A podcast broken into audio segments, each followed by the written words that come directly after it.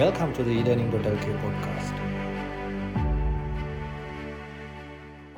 අද අපේ මාතෘකාගෙන පොඩක් කියලා ඉන්නම්. අද අපි කතා කරන්නේ මීඩිය කන්සම්ෂන් ශිෆ්ස් ගැන. කියන්නේ අපි ඩිජිටල් මාර්කටින් ගැන ගොඩක් කතා කරනවා ක්ලබ් හවස් එකේ. අපි දැකලා තියෙනවා සෑහෙන ප්‍රමාණයක් සෙෂන්ස් යනවා. ඊටාම හොඳ දෙයක්. ඉතින් ඒ ඩිජිටල් මාර්කටින් ශේත්‍රයට එන්න කලින් ඕනෙම මාර්කටින් ශේත්‍රයක් වැඩ කරන්න නම් මහජනතාව ගැන ජෙනරල් පබ්ලික් එක එන්ඩ ඕනේ. ඒගුලන්ගේ කන්සම්ෂන් හැබිට් එක ඒ මාධ්‍යයට අනුගත වෙන්න ඕනේ. එහෙම නැත්තං අපි යම් කිසි මාධ්‍යයක් මහජනතාව වෙළඳ ගන්නවනම් ඒක බලනවනම් විතරම. එතකොට ඒක මීඩිය කන්සම්ෂන එකක් වෙනවා ජනරල් පබ්ලික් එක. ඊට පස්සේ කාලයක් යද්දී සමහරවට ඒකුල්ල මාධ්‍ය වෙනස් කරන එක මුලිම රඩියෝ ඉදල ටවලටාව ටවලින් කම්පියටස්ලටාව කම්පියටස්ලින්ද මොබයිල් ෆෝන් සොට විල්ලයි වගේ මීඩිය ඩිවයිසස් කන්සම්ෂන් ශිප්ටලා තියෙනවා. ඊට අමතරව අපි ඒ ඩිවයිසස් වල බලන කටෙන් මොනවාගේද කියන එක ගැන මිනිසුන් අතර මතයවන් ඒ විවිධ කටෙන්ට්වලට විවිධාකාරයේ ගරුප්සේ කියන්න විවිධාකාරයේ වෙන ෝඩියන්ස හැදිල තියෙන ඉතින් මේ ෝඩියන්ස අපි තේරුම් ගන්න ඕන අපි ඒගුලන්ට මාකට් කරන්න නම්මන හරිදයක් ඉතින් ඒව ගැන කතා කරන්න ලංකාවෙන සුසුම් පුද්ගලෙක් අද ඇවිල්ල ඉන්න අපිත් එක්ක. ඉතින් මේ වැඩසටහන හැමදාම් වගේ කලබරේෂන් එකක් රෝවිත් මයන්න චනල්ල එකත් එක්ක. ඉතින් අද පිත් එක්ක මේ ආරාධනය පිළිගෙන ඇවිල්ල ඉන්නේ අයිසෝබා ආයතනයේ වයිස් ප්‍රසිඩන්් මොනේෂ් බුද්ගමුව ඉතින් එතුම ගැන කියනවනම් ලංකාවේ වැඩිම ආටිකල් ප්‍රමාණයක් පුවත් පත්වලට ලියපු මේ සබ්ජෙක්් එක ගැන කලබ් හවසන්න ගොඩක් කලින් මේ සබ්ජෙක්් එක නොලේෂයා කරපු එක්ස්පර්ට් ලෙවල් කෙනෙක්. ඉතින් අපි එතුමාන්ගේ දැනගමු මොකක්ද මේ අද මාතෘකාවේ හරය ඇයි මේ මාතෘකාව එතුම තෝරගත්ති කියලා. ඒ අමතර ඒට අමතර ම පොඩ්ඩක් කියන්න කැමති ඔහු ගෙනත් පොඩි හැඳුන්වීමක් කරන්න කියලා. මොකද කලබ් හවස් එකට හුවද පලින් වතාවට ඇවිල්ල මහිතන්න මේ වගේ සේෂන් එක කතා කරන්නේ මේ ආරාධිතයෙක් විදිහට. ආයිබෝන් මොනේෂ් අයිබං සංජය අයිබොන් ශවින් බොහොම ස්තුතියි මට ඇඩ ගැහුවට. මේ සංජය කිව්ව වගේ මේ මගේ පලවෙනි වතාව මම මේ කලබ් බවස් එක කතා කරන්නේ. මෙච්චර කල් මම ගොඩක් කලාට සාමාන්‍ය අර්මිනිසිකෙන මං අහංගින්නාසයි කියලා. ගොඩක් කලට මං කරන්න කියලා හංගින්න එක තමයි. අද තමයි ෆස් ටයිම් මට මේ ඔපචුන්ටය කම්පුණ මේ ගැන කතා කරන්න. මංග කියන්නත් කියලා කිව්ව පොට් සාමානය ආරණ ගැන ගොත් මගේ වුණ කියන්නම්. මම මේ අයිසෝභායකේ වයිස් ප්‍රසිටන්ට් වෙන්න කලින් මම වැඩ කරා මොබිටෙල් එක අවුරුදු දොහැල් දොළහක් විතර. ඒකෙන් මම ටෙක්නිකලි ලංකාවේ පොඩි කාලයක් මොබයිල් මාර්කටිං ගැන එක්ස්පර්ට් කියන තැනට මේ මාර්කටිං පැත්තිෙන් කතා කරන්න හිටිය. ඊට පස්සේ මම ලංකාවේ ලොකුම මීඩියස් පෙන්ඩ වෙන යුනිලීව ආයතනයේ මේ හෙඩ් of ඩිජිටල් විදියට වැඩ කරා. ඒ කාලේ ඇතුළ තුළදී මම ලංකාවේ ෆස්ට් එෆ වෝඩ් එක ඩිජිටලි රිවන් එෆ වෝඩ් එක තින්න එක ලංකාවේ ෆස්ටයිම් බුණේ පොඩක් කාල ඇතුළත හරි එෆවෝඩ් ලංකාවේ මාර්කටිං වලින් දිනන්න පුළන් ලොකුම එවෝඩ් එක තමයි එෆ වෝඩ් කියන එක ඒක මේ ලංකාවේ ගැන කැම්පේන එක පොෆෝර්මන්ස් එක මත දෙන එවෝඩ් එකක් විදිහට තමයි ගන්න. එකන එක ක්‍රියටවිටම නෙමේ ක්‍රියටවිටි පෝෂන් එකක් තියෙනවා. ඒවුණට මචෝරිට ඒකට වේටේච් එක හම්බෙන්නේ කම්පන්නේ කැම්පේන එක පොෆෝර්මන්ස් එක මත. ඔගුලට මතකර දන්න දෙදස් පහළුව විතර කැම්පේෙන් එකක් ආවා මේ දල්දා මාලිකාවේ පහනක් පත්තු කරන්න මිස්කෝල් එකක් දෙන්න කියලා. මේක මතකත් දන්න ගොලන්ට මේක දස් පහල වේබුණේ එකන මිස්කෝල්ලයකින් දල්දා මාලිකා ඩිජිටලි පහනක් පත්තු කරමතක ඒක මේ අන්නේ කැම්පේෙන් එක මගේ අයිඩිය එකක්. ඒක ලංකාව ෆස්ටයිම් ස්මාටීස් කියල තියන එවෝඩ්ඩයක් ස්මාටිස් කියන්නේ දැන් අර මූවීස් වලට ඔස්කාස්තිනෝ වගේ ලොකුම එවෝඩ් එක විදිහට මේ ස්මාටස් තමයි මොබයිල් මාර්කටිං වලට ලෝක ලොකුම එවෝඩ් එක. ඒක ගලෝබලි එවෝඩ් එකක් දින්න එකටත් එක ෆස්ටයිම් ලංකාවටාවේ Uh, ඊට පස්සේ ඩිජිටල්ලින් කැම්පේන් ඒජන්සි of දිය කියලා තියෙන කැම්පේන් ඒජන්සි of දිය කියන්නේ ඩිජිටල් ඒජන්සියකට uh, ගන්න පුළ ලොකුම එවෝඩ් එක. මන් දන්නවා ගොඩාක් එවෝඩ් ජාති තියෙනවා ලංකාවේ uh, ඒජන්සි වලට. බට් ස්ටෑන්ඩඩ් එකක් විදිහට ඒක තමයි නම්බර් 1 එවෝඩ් එක. මම තුන් පාරක් දීලා තියෙනවා. ඒ කාලේ ඇතුළත උයි දනු අතර එවෝඩ් 80ක් විතර මගේ කැම්පේන්ස් වලටත් මම දීලා තියෙනවා. ඉතින් එදා මෙදා තුර මං අවුරුදු 12ක්ම ඔබිටල් එකේ හිටියා ඊට පස්සේ මේ අවුරුදු පහ ඇතුළත තමයි මේ ගමන මේ මේ වොට්ස් ටිකයි මේ ගමනයි මං ඇවිල්ලා තියෙන්නේ. ඉතින් ඒක තමයි මගේ බේසික් බෑග්ග්‍රවුන්ඩ් එක. මේ මම මීඩියා ප්ලෑනින් පැත්තෙන් තමයි මම එන්නේ. මම ක්‍රියේටිවිටි වලට වැඩිය මීඩියා ප්ලෑනින් පැත්තෙන් තමයි මං ඉස්සරහට ඇවිල්ලා තියෙන්නේ. ඒක තමයි මගේ ටෙක්නිකලි මගේ බෑග්ග්‍රවුන්ඩ්. හොඳයි. සමිත් පොඩි පොඩ්ඩි වෙලාවත් දෙන්න මම ඔගලන්ට ආරාධනා කරනවා ඔගලන්ගේ යාළුවෝ එහෙම ඉන්නවනම් මේ සබ්ජෙක්ට් එක ගැන දැනගන්න කැමති ක්ලබ් හවුස් එකේ පින් ෆීචර් එක යූස් කරන්න කියලා ඔගලන්ගේ ෆෝන් එකේ යටම ප්ලස් අයිකන් එකකින් ඔගලන්ට පුළුවන් මේ සාකච්ඡාව යන එක ගැන ඔගලන්ගේ යාළුවන්ට දැනුම් දෙන්න. මොකද මොහිනේෂ අල්ලගන්න ටිකක් අමාරුයි. ඉතින් අද ඔහුගෙන් ගන්න පුළුවන් උපරිමය අපි ගමු. ඩිජිටල් මාර්කටර්ස්ලා විදිහට අනාගතයේදී අපි හොඳ පර්ෆෝමන්ස් පෙන්වන කැම්පේන්ස් හදා ගන්න ඕන නම් අද අවශ්‍යම පුද්ගලයා ඇවිල්ලා ඉන්නවා කොහොමද ඒක කරගන්න කියලා දැනගන්න. හොඳයි මොනේෂ් අපි එහෙනම් මාතෘකාවට එමු. පොඩ්ඩක් මාතෘකාව විස්තර කරන්න. මොකද්ද මේ මීඩියා කන්සම්ප්ෂන් ෂිෆ්ට් කියන්නේ? ඇයි අපි ඒක තෝරගත්තේ කතා කරන්න? හරි මම මේ ඉන්ට්‍රඩක්ෂන් එකකින්ම පටන් ගන්නවා. දැන් ඇවරේජ්ලි මේ ලංකාවේ එක්කෙනෙක් දවසට දකිනවලු මෙසේජර්ස් එක්දස් නමසීයක් විතර. මෙසේජස් කියන ඒවා ඇඩවටයිසිං වෙන්න පුළුවන් ඒවා මේ WhatsApp මෙසේජස් වෙන්න පුළුවන් ඒවා මේ SMS වෙන්න පුළුවන්. දවසට එක්දස් නමසීයක් මෙසේජස් කෙනෙක් දකිනවා. ඒක මාර කලට එකක්. ඒ මෙසේජස් එක්දස් නමසීය ඇතුළත අපි ඇඩ්ස් දකිනවා දෙසිය පණහක් විතර දැමන් කටියක හව අද දැක් ඇඩස් පොඩ්ඩක් කියන්ට කියලා මහිතන් ගොඩක් අයට එක කියන්න බැරි වෙනවා. ඒක එච්චරටම් ඇවරේජ් ලංකාවේ මනුසෙක් දෙසිය පනා කැල්චිතර දක්න මේක මේ සෞතේශය මීඩිය සර්ව එකක් දෙදස් දහ අටේදි කරපු ඩේට අනුව මම කතා කරන්න. ඊට පස්සේ මේ කෝවිඩ් එහෙමත් එක්ක මේ ඒ සර්විය එක ආයෙත් පුනේ නැහැ. ඒ වුණාට අපිට හිතන්න පුළුවන් දැන් ඒක ඊටත් වැඩිය ලොකු තැනක තියෙනවා කියලා. ඒකෙන්කුත් එහාට ගියොත් මේ ලංකාවේ කෙනෙක් අවුරුද්දකට සාමාන්‍යයෙන් රෙකමෙන්ඩ් කරන්නේ තව කෙනෙක් බ්‍රෑන්ඩ්ස් පහයි නවයයි අතර ගන්න. ඒ කියන්නේ මගේ කවුරු ඇහුවොත් මේ මේක හොඳද මචං කියලා ලංකාවේ කෙනෙක් ඇවරේජ් රෙකමෙන්ඩ් කරන්නේ පහක් නැත් පහයි නමයයි අතර ගානක් තමයි වෙන කෙනෙක්ට රෙකමෙන්ඩ් කරන්නේ. ඉතින් ඒ පහයි නමයයි අතරට යන එක බොහොම අමාරුයි කියලා අපි ඔක්කොලම දන්නවා. ඒක මේ හැම කැටගරි එකකින්ම ඇවිල්ලා අපි අන්තිමට රෙකමෙන්ඩ් දැන් අපි දන්නවා අපි අපිට යාළු අපි ඇඩ් එකක් දකින්නවට වැඩිය අපේ යාළුවෙක් කිව්වොත් නෑ මචං මේක හොඳයි මේක ගන්න කියලා අපි ඒක try out කරන්න පුළුවන් මේ percentage එක ගොඩක්ම වැඩි. ඉතින් මේ පහයි නමයි අතර ගානට යද්දි මීඩියම්ස් ගොඩකින් අපිට ඇඩ්ස් ප්ලේස් වෙනවා.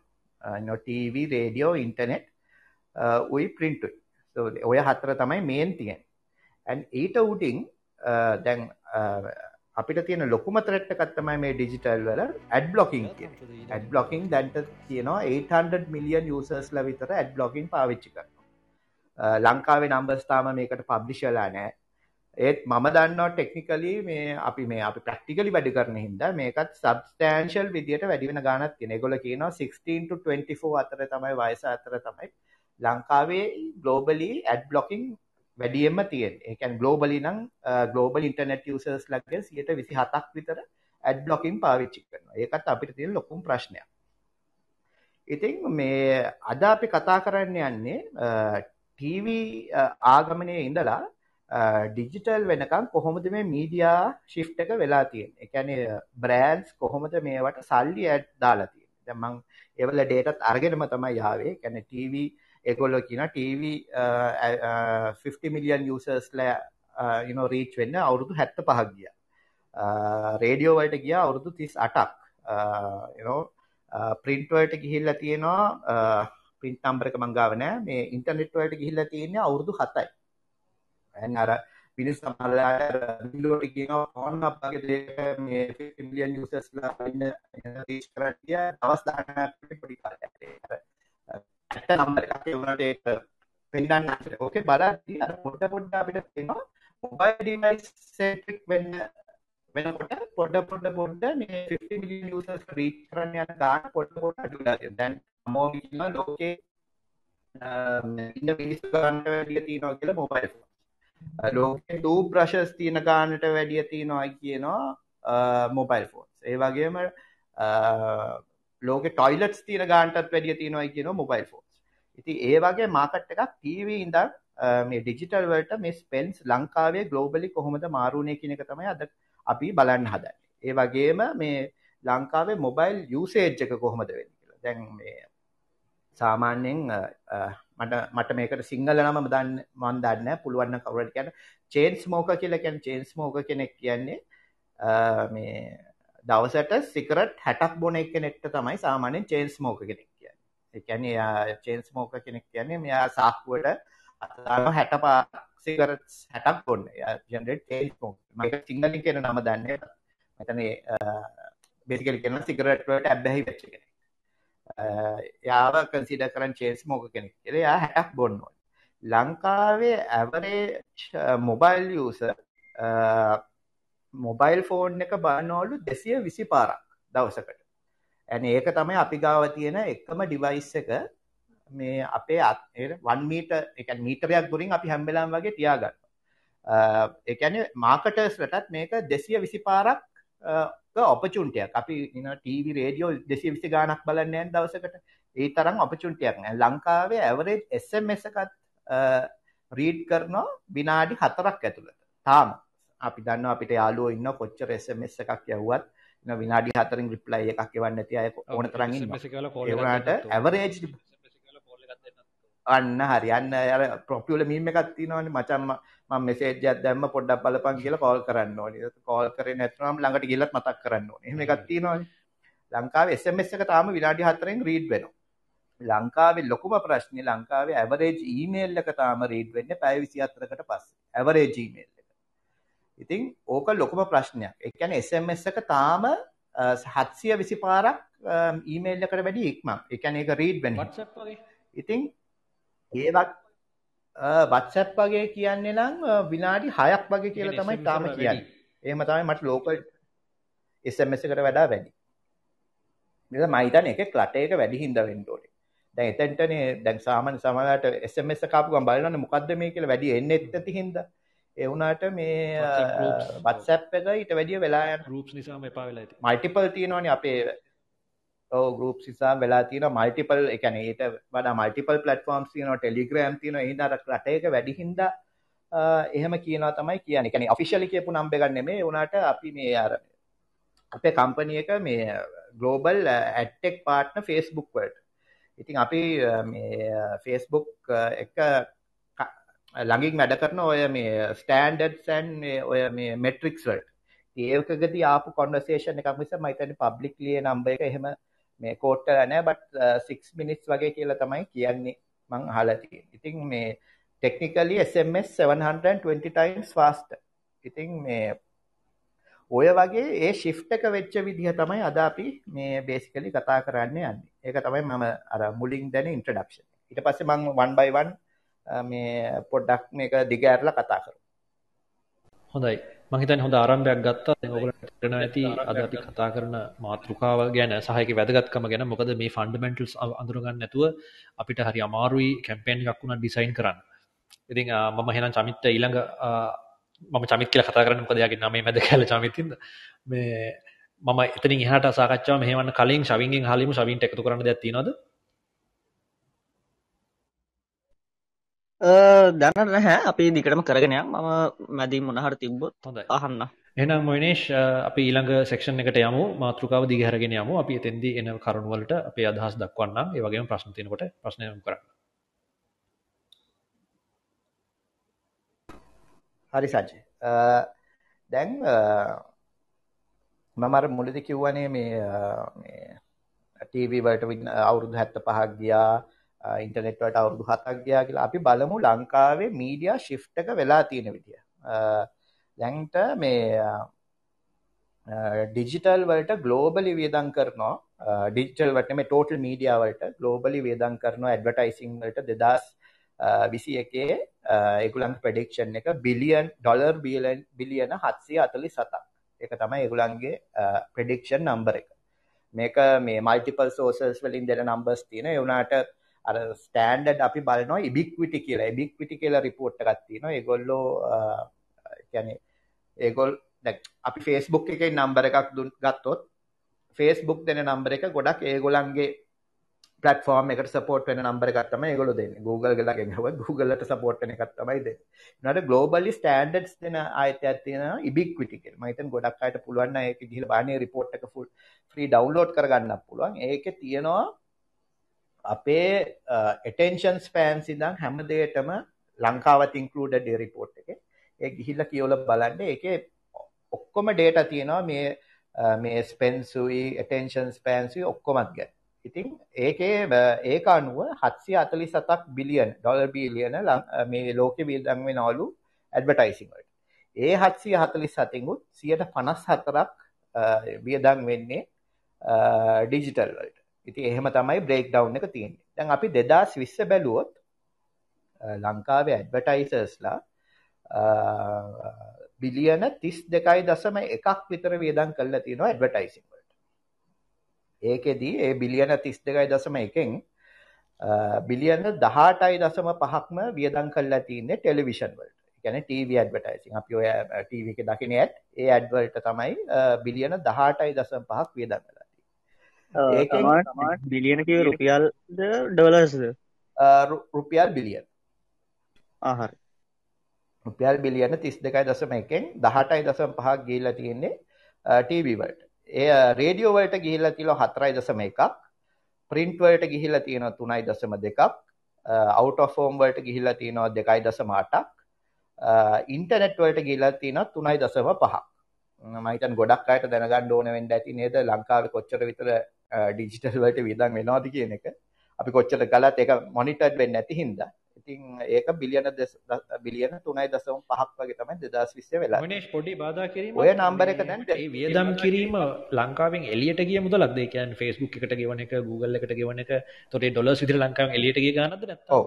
ලංකාවේ ඇතුලේ වෙච්ච කන්සම්ප්ෂන් එක ඔය ඔය මුළු එකම සංජය දැන් මේ ලංකාවේ ලොකුම ස්පෙන්ඩර්ස්ලා දෙන්න බැලුවොත් මට මම හිතන්නේ මෙතන නම් දෙක කියන්න බෑ. ඒගොල්ලෝ මිලියන 900ක් විතර වියදම් කරනවා. ලංකායි ලොකුම ස්පෙන්ඩස්ල දෙන්න.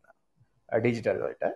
මේ ඒ ඇරෙන්න්න තමයි මේ නම්බර එක තුනයි දසම් පහක් කියලා කියන්නේ. ප්‍රශ්නයක් න මයි මෙතන මේ ෆේස්බුක් විස්තර කරගෙනවාද හොඳයි. අන්න ඉතින් දැන් අපි කතා කර කියන්න. එකක් තමයි ගොඩක්ම මේ කට්ටිය එන්ගේජ් වෙන්නේ. තොර අපි SMS එකක් ඩිජිටල් ගොඩට දාමුකෝ එතකොට ඊට පස්සේ අපි Facebook ඔය තියෙන අනෙක් සෝෂල් මීඩියා දැන් ෆෝන් එකත් එක්කනේ ඉන්නේ මිනිස්සු. ඉතින් එච්චර එන්ගේජ්මන්ට් තියෙන තැනකට ඇයි මෙච්චර අඩු බජට් එකක්? එම නැත්නම් තාමත් රූපවාහිනී වැලිඩ්ද ඒක තමයි ප්‍රශ්න. තාම රූපහානිය වැලිඩ් මං ඒකටත් කතාව එතෙන්ට තමයි අරගෙන යන්නේ. මේ දැන් දැන් ටීවී වගේ එකට 18.5ක් යද්දි 2020 ඉන්ටර්නෙට් වලට ගිහලා තියෙන 3.5යි දැන් 2021 වෙද්දි ටීවී ටීවී බජට් එක තවත් වැඩි වෙලා තියෙනවා ටීවී බජට් එක වැඩි වෙලා තියෙනවා 19.4කට රේඩියෝ හතරයි දසම දෙකයි ප්‍රින්ට් කියන්නේ මේ පත්තරවට තුනයි දසම හතරයි අවුට ඔෆ් ෆෝම් වලට තුනයි දසම තුනයි ඉන්ටර්නෙට් වලට දැන් ගිහිල්ලා තියෙනවා හතරයි දසම දෙක. ටෙක්නිකලි බැලුවොත් මේ අවුරුද්දේ තමයි ඩිජිටල් නම්බර් 2 වෙන්නේ. දැන් මෙච්චර කාල ඩිජිටල් නම්බර් 3 දීපලා තියෙන්නේ. ටෙක්නිකලි අපි රේඩියෝ වලට අපි කියලා කියන්නේ මම ඉතින් ඩිජිටල් ඉන්නේ හින්දා මම අපි කියලා කියන්නේ. ඉතින් රේඩියෝ තිබිලා තියෙන්නේ මේ නම්බර් 2 වලට දැන් මේ පාර ඉඳන් ඉන්ටර්නෙට් නම්බර් 2 වෙනවා. මේක පැන්ඩමික් එක හින්දා ඇක්සලරේට් වුණා. so overall බැලුවොත් 34.5න් ඉන්ටර්නෙට් 4.2ක් ගන්න.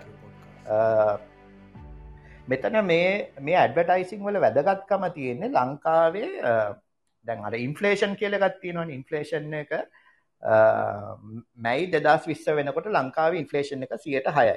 ඒ කියන්නේ දැන් මැයි විසිය මැයි දෙදස් විසියක ඇති බලද්දි මැයිවලදී රුපියල් සියයට ගත්ත බාන්ඩ අද වෙනකොට රුපියල් එකසිය හයක් වෙලා. දැන් අපි ගෙවල් වලත් අපිට ඇහෙනවා නේද? මේ මිනිස්සු කියනවා මේ රුපියල් පන්දාහක් කරංගියා ගත්ත දෙයක් නෑ. ඉස්සර පන්දාට මීට වැඩිය බඩු ගත්තා කියන එක අපි හැමෝගෙම ගෙවල් වල ඇහෙනවා. අන්න මට ෂුවර් මේක අර මේ සාමාන්‍ය මිනිස්සෙගේ ගෙදරක ඔය සාමාන්‍යයෙන් ඇහෙන එක. ඉතින් ඕක තමයි මෙතන මේ වෙලා තියෙන්නේ. ලංකාවේ ෆුඩ් ඉන්ෆ්ලේෂන් එක කෑම වලට වියදම් කරන ඉන්ෆ්ලේෂන් එක year on year 10.3ක් වෙලා.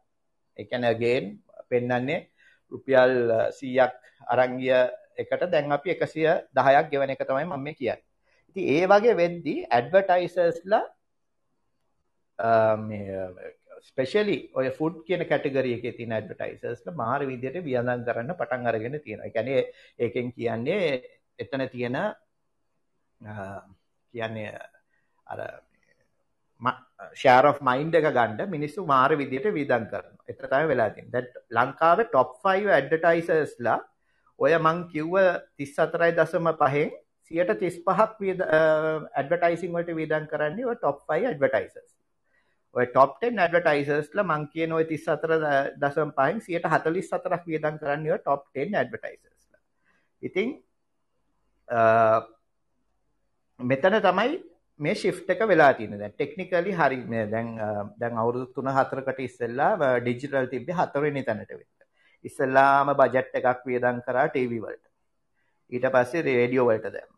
ඊට පස්සේ ප්‍රින්ට් වලට දැම්ම සල්ලි ටිකක් ඉතුරු වුණක් විතරක් ඔන්න එන ඩිජිටල් එකට දාලා දාන්නකෝ කියලා කියනවා.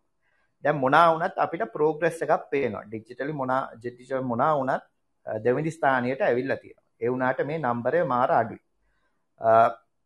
මෙහෙම දෙයකුත් තියෙනවා. ඒ කියන්නේ ඩිජිටල් වලට ඇලොකේට් කරද්දී සමහර කැටගරිස් වලට තාම ඩිජිටල් වලට ඒ අර ටීවී රේඩියෝ වලට තියෙන අර කියමුකෝ අර තැන ගන්න බැරි වෙලා තියෙනවා. දැන් අපි තාමත් අපේ මාසර්ස් වලට ගිහිල්ලා අපි කතා කරාම තාමත් අර තියෙනවා මං ටීවී එකේ දැක්කා මට රේඩියෝ එකේ ඇහුණා මං පත්‍රයේ කියවුවා කියන එකට තාම වේට් එකක් තියෙනවා. ඒ ඩිජිටල් වලට මේ වේට් එක තාම ගන්න බැරි වෙලා තියෙනවා. අර සමහරලා ඩිජිටල් වල ගිහලා මිසික ඔක බොරුවක්ද දන්නේ ඕක කවුරු හරි තාපු බොරුවක් වෙන්න ඇති කියන එක තාම තියෙනවා. ඉතින් ඒ වේ ඒ ඒජ් ගෲප් එක බේසිකලි තියෙන්නේ මම හිතන්නේ 35 උඩ වගේ. 35 උඩ වගේ එකේ ඒ ගාන හොඳට වැඩි වෙලා තියෙනවා. අපේ රිසර්ච් වලට අනුව. අර අර කියන්නේ මොන හරි හයිට් අයිටම් එකක් හයි කියන්නේ ටිකක් ගණන් වැඩි අයිටම් එකක් ගන්න යද්දි මිනිස්සු සාමාන්‍යයෙන් තාම මේ අර ප්‍රින්ට් වගේ මීඩියම් එකක් ට්‍රස් කරන එක වැඩි වෙලා තියෙනවා.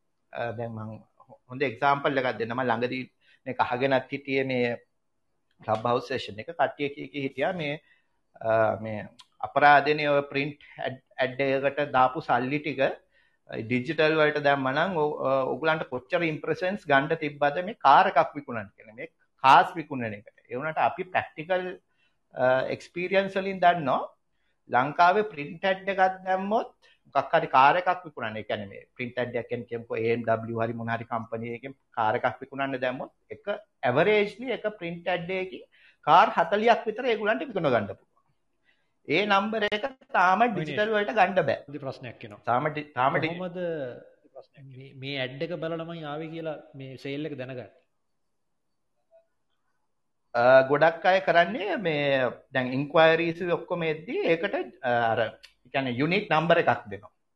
නැත්තම් සමහරු එතනට ආවට පස්සේ කොහොමද ආවේ කියලා දැනගන්නවා. දැන් සමහරලාට අපි දැන් අපි මම ඩිජිටල් මීඩියා ඒජන්සි එක උනාට අපේ බිග ඒජන්සි නෙට්වර්ක් එකේ තියෙනවානේ අපි රිසර්ච් කරන එක. ඉතින් අපේ මීඩියා ආම් එක කරන්නේ ඒ ඒ print ad එකටම ඒ මොන print ad එකෙන්ද මොන පත්තරෙන් දෙන්න පත්තරයේ ad එකෙන් ad එකට නම්බර එක මාරු කරනවා. ඉන්ක්වයරිස් එන්න නම්බර එක මාරු කරනවා. නැත්තම් එතනදී එද්දි අහනවා මොකක් බලලා දාන්න කියලා. අර ඒ වගේ මෙතඩ්ස් වලින් තමයි ඒගොල්ලෝ කියන්නේ. ඉතින් කම්පනිස් ඇවරේජ්ලි කියනවා එක print ad එකක් මේ එළියට ඒගොල්ලෝ දැම්මොත් කාර් 40ක් විතර විකුණු ගන්න පුළුවන්.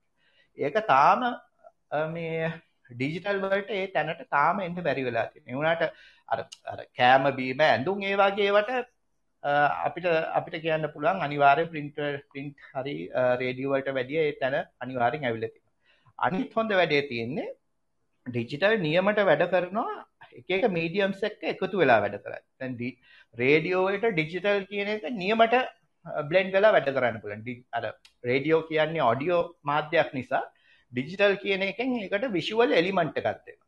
දැන් සාමාන්‍යයෙන් කියනවා ලංකාවේ මේක ලංකාවෙත් දේටත් එක මං කියන්නේ ඒගොල්ලෝ කියනවා මිනිස්සු ඇහෙන දේට වැඩිය 60000 times ඒගොල්ලෝ මොන හරි දැක්කොත් ඒගොල්ලන්ට මතක් වෙනවා කියලා. ඒ හින්දා තමයි ලංකාවේ වගේ මේ රටක මේ විෂුවල් කියන මීඩියම්ස් විෂුවල් තියෙන සෝෂල් මීඩියා නෙට්වර්ක්ස් ගොඩක් මේ ඉස්සරහට ඇවිල්ලා තියෙන්නේ. ඒ හින්දා තමයි Twitter වගේ මාධ්‍යයක් මේ ඩ්‍රාස්ටිකලි අඩු වෙලා තියෙන්නේ. ඒක එච්චරම විෂුවල් නැති හින්දා. දැන් Facebook, Instagram uh, ටික්ටොක් ඔක්කොම ගොඩක් විශුවල් ඩ්‍රිවන් ඇන් ලංකාවේ ඉන්ටනෙට් ට්‍රෆික් එකෙන් සියට අසුවක්ම යන්නේ ඩේටවලට එක uh, යන්නේ විඩියෝවලට ඉති ආයෙත් විශුවල් මීඩියම් එක ඒ හින්ද ඩිජිටල් මාර ලස්සනට සිංක් වෙනවා මේ ඔය වගේ මීඩියම්ස් එක්ක. ඉති ඒහින්ද තමයි මේ ශිෆ්ටක් කිය අපින්න මේ කලබ් හවස එකත් ඕඩියෝ ඩ්‍රිවන් එක විශුවල ලිවට එකක් නෑ එතකොට ඔබේ ඔව්. මට පොඩ මේ සාකච්ඡය පොඩ පරිබාහිරව ගියත් පොඩක්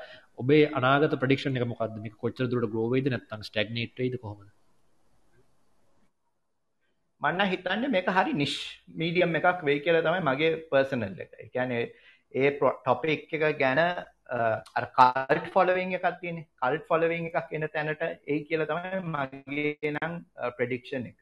ලංකාවේ වගේ රට එක තමයි මගේ දැන්ට තියෙන ප්‍රඩික්ෂන් එක. මේ මාස්කේල් යන් නැතිවේ කියල. ලංකාවේ ලංකාවේ අපි පාස් ඩේට අනුව බැලුවත් ඔක්කොම විශවලි ඩ්‍රිවන් මීඩියම්ස් තමයි ඉස්රාට ඇවිල්ල තියෙන ඇන එක අපේ මේ ඇගේ තියෙන දෙයක්ම තමයි. කැන 60,000 ටයිම්ස් අපිට වැඩිපුර මතක් වෙන අපි මොනහරි දැක්කොත්. මේ කතා ඇහෙන දෙයකට වැඩි ඉතින් ඒ ඒ ඒ ඩේට ටික මත තමයි මං මේ කියන්නේ. එවුනට මං හිතන්නේ සමහරට දැක්කොත් කියනට එක බැලුවොත් නේද? මන් මන් දකි නවිතිරෙන අපි ගොඩක් දෙවල් දකින නමුත් අපි බල මතක හිටි හරි අනිවාරය ඕ හරි. හරි සත්‍යයෝ. ඒක තමයි මේ බේසිකලිය ශිෆ්ට එක ගැන මං කතා කරන්නේ. ඉතින් මේ මේ පෙනිට්‍රේෂන් නම්බර්ස් ගැන මං කතා කරු මේ යන් සාමාන්‍යෙන් ලංකාවේ හවසෝල්ස් තියනවා කියනවා 5.35 5.35 මිලියන් හවසෝල්ස් ලංකාව ඉන්න ඒකෙන් ලංකාවේ ටීවි පෙනිට්‍රේෂන් එක කියනවා සියට අනුවක් තියනවා දැන් මෙච්චර කල් ගිහිල්ල දැන් අපි හැමෝම කිනවා අපි ටීවී බලන්න ෑනේ මේ කොහොමද මේක මේ ලංකාවෙන් සියට අනුවක් මේ තාම ටීවි බලන්න? දැන් මන් මෙතර මේ ඩේට කියද්ද එකක් කියන්න ඕනේ. මේ ඩේට මනිද්දී වයස හයෙන් උඩ අය විතරයි මේකොල්ලො මේ රිසර්ච් එකට ගන්න. ඉතිං වයස හයෙන් උඩ අයගෙක් සියට අනුවක් පෙන්ට්‍රේෂන් එක ලංකාවේ තියනවා කියලා කියන අපිට අමතක වෙන්න දෙයක් තමයි ඔය ටීවි පෙන්ට්‍රේෂන් එක ඔය නම්බර එක 90% තියෙන ලොකුම හේතුව කේබල් ඇන් සැටලයිට් ටීවී තියෙන ඔය ඩයලොග් ටීවී පියෝ ටීවී ඒ වගේ ඒවලින් 40% කන්ට්‍රිබියුෂන් එකක් එනවා ඒකට. ඒ කියන්නේ නෝමල් ටෙලිස්ටියර් ටීවී වලින් අඩු වුණාට කේබල් ඇන් සැටලයිට් ටීවී වලින් මේ තමයි මේ 90% නම්බර එක අල්ලගෙන තියෙන්නේ. ලංකාවේ ප්‍රින්ට් පෙන්ට්‍රේෂන් එක තියෙනවා කියනවා 136.5ක් වීකෙන්ඩ එකක සාමාන්‍යයෙන් පත්තර මේ කොපිස් වැඩිම විකිනෙන්නේ සන්ඩි ඔබ්සෝවේ දැබීකෙන්ඩ් වල තමයි සාමාන්‍ය වැඩිපුරම පත්තර විකිනෙන්නේ. වැඩිම විකිනෙන්නේ පත්තර 700,000 වගේ තමයි විකිනේ ප්‍රින්ට් වල තව එකක් තියෙන අපි කන්සිඩ කරන්න ඕනේ. මේක සාමාන්‍යෙන් අර මේ මීඩිය ප්ලෑනිින් කරන අය ගන්න එකක්. කවුරු හරි පත්තරයක් ගත්තොත් ඒක පස්තනෙක්ගේ අතට යනවා කියලා ඒක සාමාන්‍ය පහින් වගේ වැඩි කරනවා. එකන අම දව ඔෆිස්ස එක වගේ අපි පත්තරයක් ගත්තොත් අර කියන්න මම පත්තරයනකම් බලන් හිටිය මේ පත්තර එකා ගව තිීනි කියලහන්න ඔය පත්තර අතින් අතර යනක සාමාන්‍ය පස්තනෙක්ට යනවා කියලා සාමාන්‍ය රීඩ ශිප් එක පහෙන් වගේ වැඩි කර ද මේටික නම් පත්තර සාමාන්‍යයෙන් ඉරිදාකට වගේ විකනෙන්නේ 250,000 වගේ කෝවිඩ් හින්ද එක අඩුවෙලා තියෙනවා. සිංහල වලින් නං මේ ඉරිදා ලංකාදීප ඉංගලිෂ් වලින් නම් සන්ඩ ඔබ්සෝව තමයි වැඩිපුරම් වික්නෙන පත්තර දෙක. මන්තා පොඩි ප්‍රශ්නයක් අහන්න. අර කේබල් සහ සැටලයිට විස් 40% වගේ පෙනට්‍රේෂන් එකක් එහෙම කන්ට්‍රිබියුෂන් එකක් කරනවා කියලා කිව්වනේ ඒක මේ ප්‍රධාන නගරවල විතරද එහෙම නැත්තම් පොඩ්ඩක් රටේ ඇතුළට යනකොටත් ඒක ඒ විදිහට තී බලපානවද? බලපානවද කියන්නේ? ඒ කියන්නේ මේ මේක ටෝටල් නම් යුසේජ්ක ගත්තොත් ඒක ප්‍රධාන වශයෙන් පාවිච්චි වෙන නගර බද පැතිවල විතරද එම නත්තන් ටිකක් ලංකා වටේම තියෙනවා. ලංකා වටේම තියෙනවා.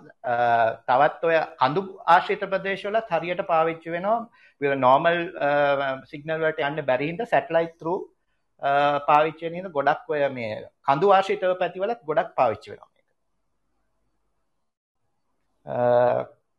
අනිත්තක මං කතා කරන්නගේ රේඩියෝ ගැන රේඩියෝ ගැන 56% පෙන්ට්‍රේෂන් එකක් තියෙන එකන 9.17 මිලියන් විතර ඔය කියන නම් ඉන්ටනෙට් ටීවී ගත්තොත් පොපිලේෂන් එකින් 90% අබව ටීවී පරිහරණය කරනවා කියලා ටීවී බලනවා කියලා. හැබැයි ඒක ඇතුල තියනේ රේඩියෝ එක ෆෝන් එක ඒවත් ඕක ඇතුල නද තිය නොක අපට සියට සියක්නේ අපිට පයක ගන්න පුලන් උපරීම. ඉතින් ඔය කියන එකේදී ඔය හැම එකම ඕවලැප් වෙලා නේද ඔව්. නතු විශේෂයෙන්? හැම එකම ඕවලැප් වෙලා තියෙන්නේ. මෙතන එකට එකක් ඕවලැප් එකක් තියෙනවා.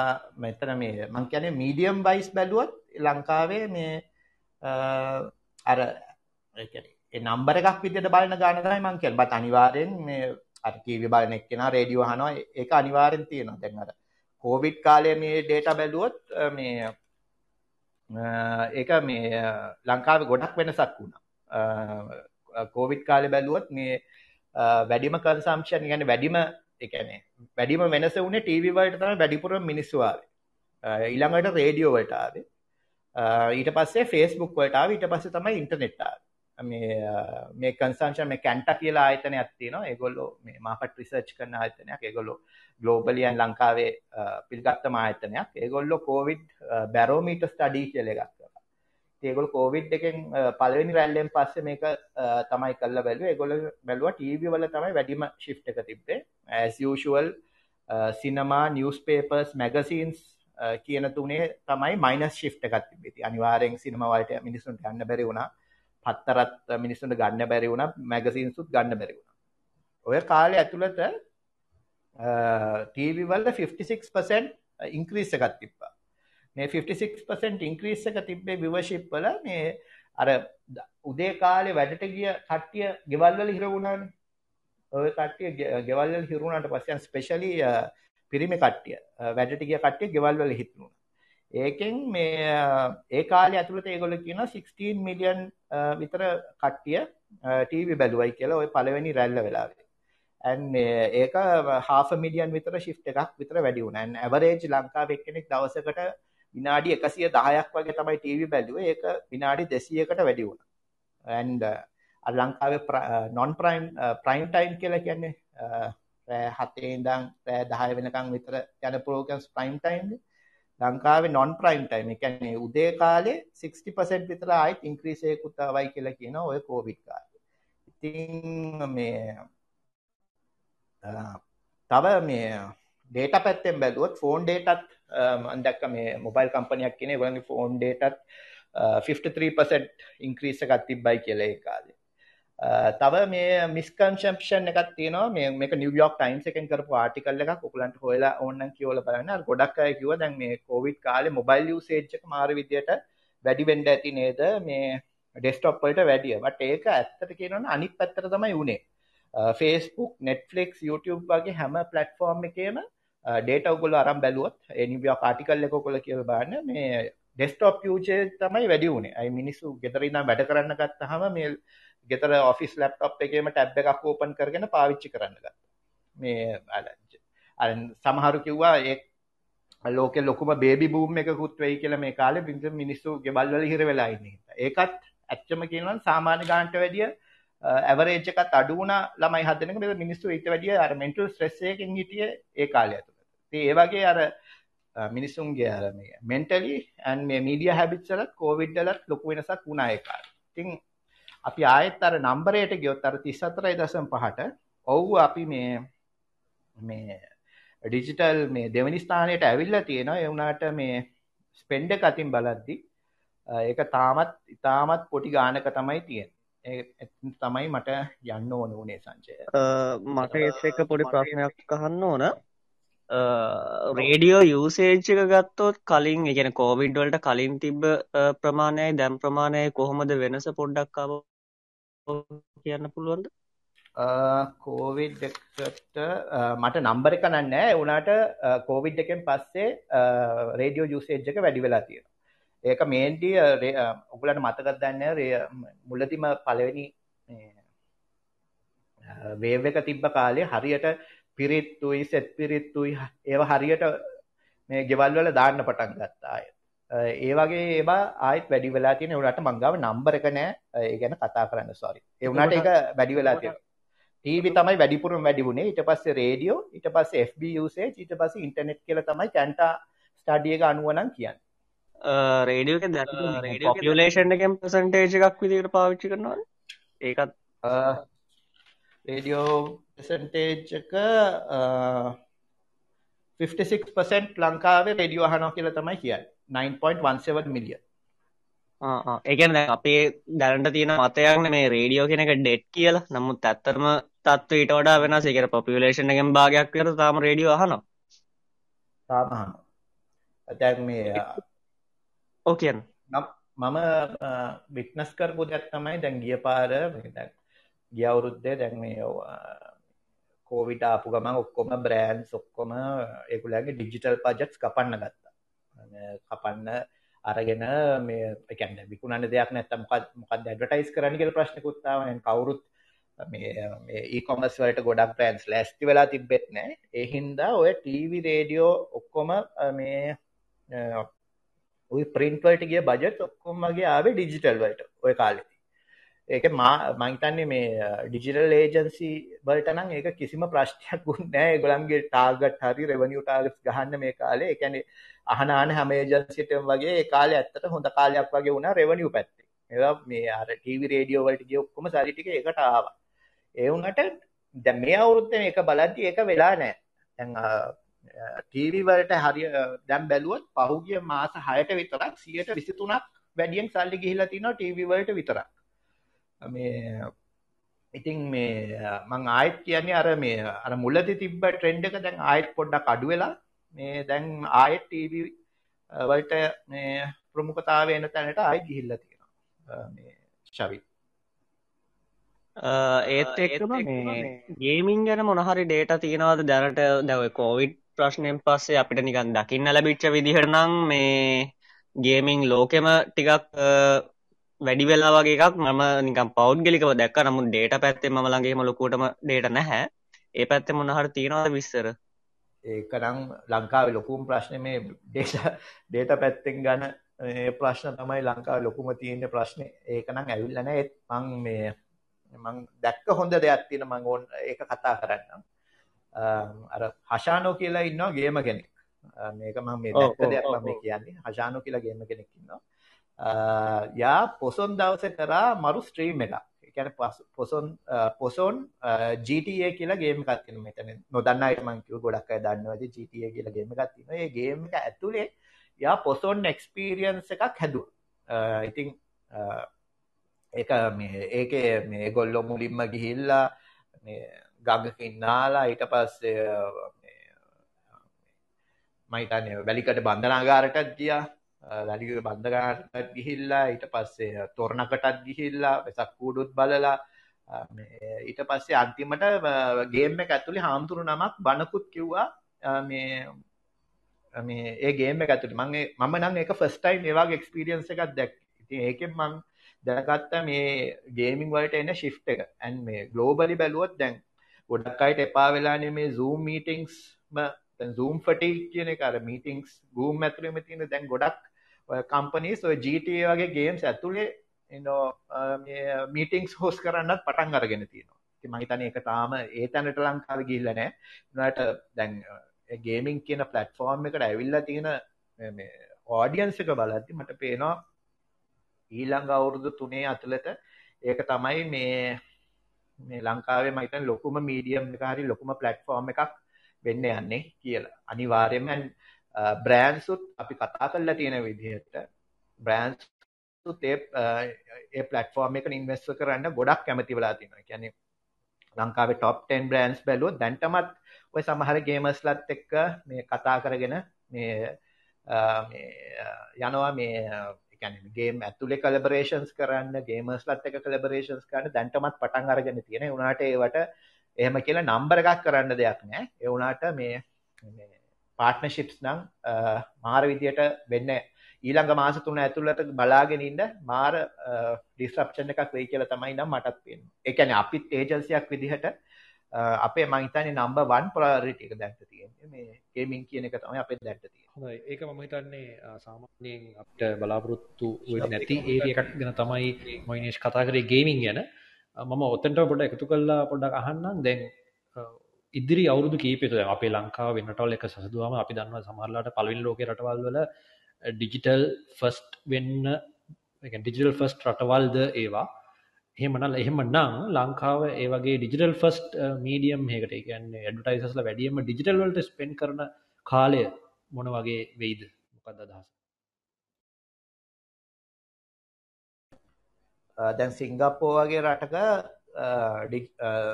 සියට හැට පහක් එකැන ගුලගේ ෆුල් මීඩිය uh, ස්පෙන්ඩගෙන් සියට හැට පහක්ම යන්නේ ඩිජිටල් වලට.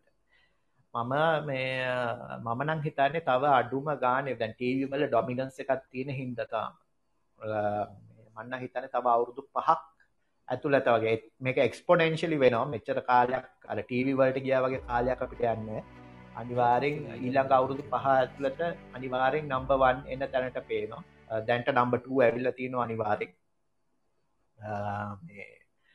මට පේන විදිහට ඊළඟ ඊළඟ අවුරුදු පහලට අනිවාර්යෙන් ටීවී වලට ඉතාමත් ළඟට එන තරමට මේ ප්ලට්ෆෝර්ම් එක ඇයි කියලා පේනවා. මේ ඒක මීඩියා දැන් මීඩියා ෂිෆ්ට් බැලුවාමත් ඒක පේනවා. දැන් මම හොඳම එක්සැම්පල් එක කියන්නම්. මේ ළඟදී මේ ඔය නාටකංකාරයෝ තියෙන ටෙලිනාට්‍ය නාටකංකාරයෝ ටෙලිනාට්‍ය මේ YouTube එකේ ඒක යන්නේ රෑ 10ට රෑ 10ට තමයි අද දවසට තියෙන එක යන්නේ.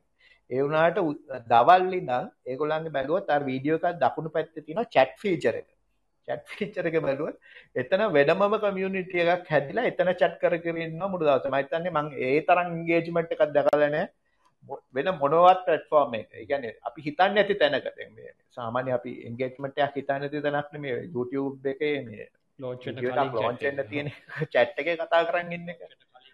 ඕ launch වෙන්න කලින් chat එක ඒක වෙනම මේක කතා කරනය බලන්න. කියන ආ කොහොමද මේ අද කියන ඇදලට කියන ඒකොල එච්චරනම් පර්සනල් ලෙවල් එකට වැඩට ඇද්දී කමිටියක් හැදිල දේලියවිල කතා කර ඒ වගේ ඩිජිටල් වල්ඩ එක එක රෙප්ලිකේෂන් එක.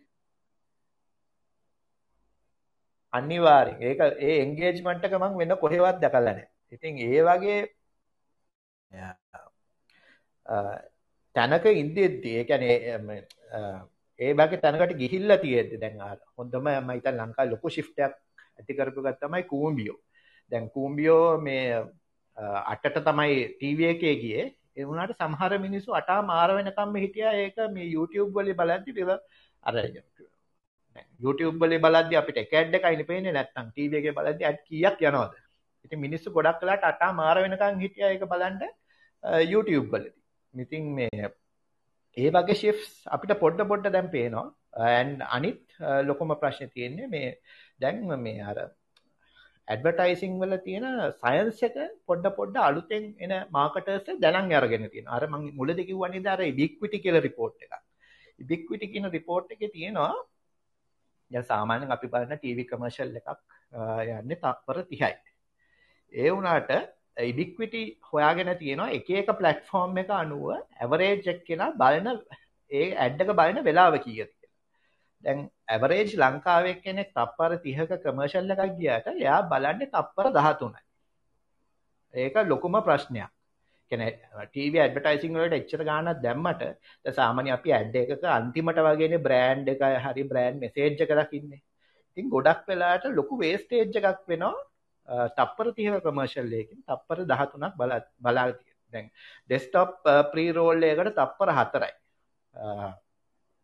ඩෙස්ක්ටොප් මේ uh, මොබයිල් පොප් uh, එකකට 2.5 uh, seconds.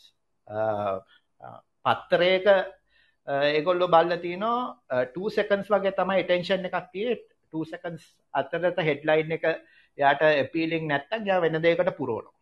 දැන් ලංකාවේ Facebook නම්බර එක තියෙන්නේ ඩෙස්ක්ටොප් වලට 2.5 seconds 2 එක ඩෙස්ක්ටොප් කම්පියුටර් එකකින් බලද්දි අපි ස්ක්‍රෝල් කරද්දි 2.5 seconds ඇතුළත thumbnail එකයි caption එකයි අපිට appealing නැත්නම් අපි වෙන එකකට යනවා. මොබයිල් වලදී ඒක ඊටත් හපන් වෙනවා. ලංකාවේ නම්බර එක 1.7 seconds. 1.7 seconds ඇතුළත මේ අපිට appealing නැත්නම් අපි වෙන එකකට මාරු වෙනවා. ඉතින් මේ attention කියන එකත් මේ පොඩ පොඩ දැන් මාකටර්ස්ලා මේ අර අර කියන්නේ බ්ලයින්ඩ්ලි සල්ලි වියදම් කරන්නේ නැතුව අර සයන්ස් එකක් එක්ක මීඩියා ප්ලෑනින් කරන්න පටන් අරගෙන තියෙනවා. ඉතින් ඔය ඔක්කොම ෆැක්ටර්ස් එකතු කරද්දි මම හිතනවා මේ ඩිජිටල් ඊළඟ පහ අවුරුදු පහ අතරට හොඳ තැනකට ඒ කියලා. එතකොට එතකොට ඔව් සංජය නම් කතා රයිට් අපි ගත්තොත් මේ ටෙලිවිෂන් වලින් ඈත් වෙන මිනිස්සු ඈත් වෙන ට්‍රෙන්ඩ් ට්‍රෙන්ඩ් එකක් තියෙනවද?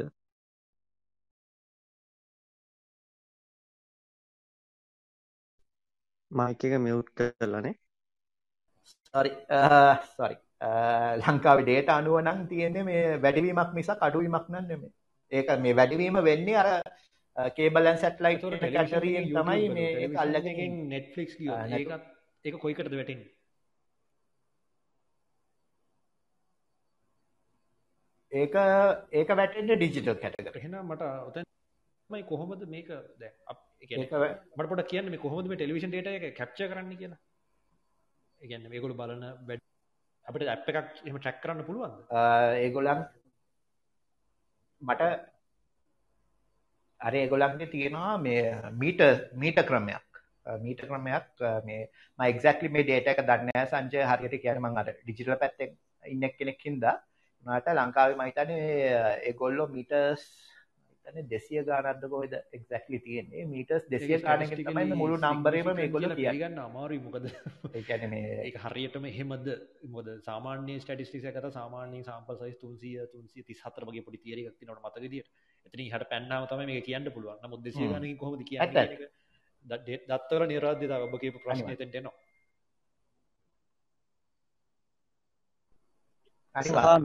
මම අහලා තියෙන කතා මේක හරි වැරද්ද කොහොමද දන්න පුළුවන් එක නිවැරදි කරන්න අහලා තියෙන විදිහට එහෙම මීටර්ස් දැන් ඔක ගෙවල් වල වගේනේ දාලා තියෙන්නේ එතකොට සමහරු මේ මීට එක රන් කරන්න වෙනම ටීවී එකක් දාලා ඊට පස්සේ ඒගොල්ලෝ ඇත්තරම බලන්නේ වෙනත් ටීවී කියලා කතාව මම අහලා තියෙනවා.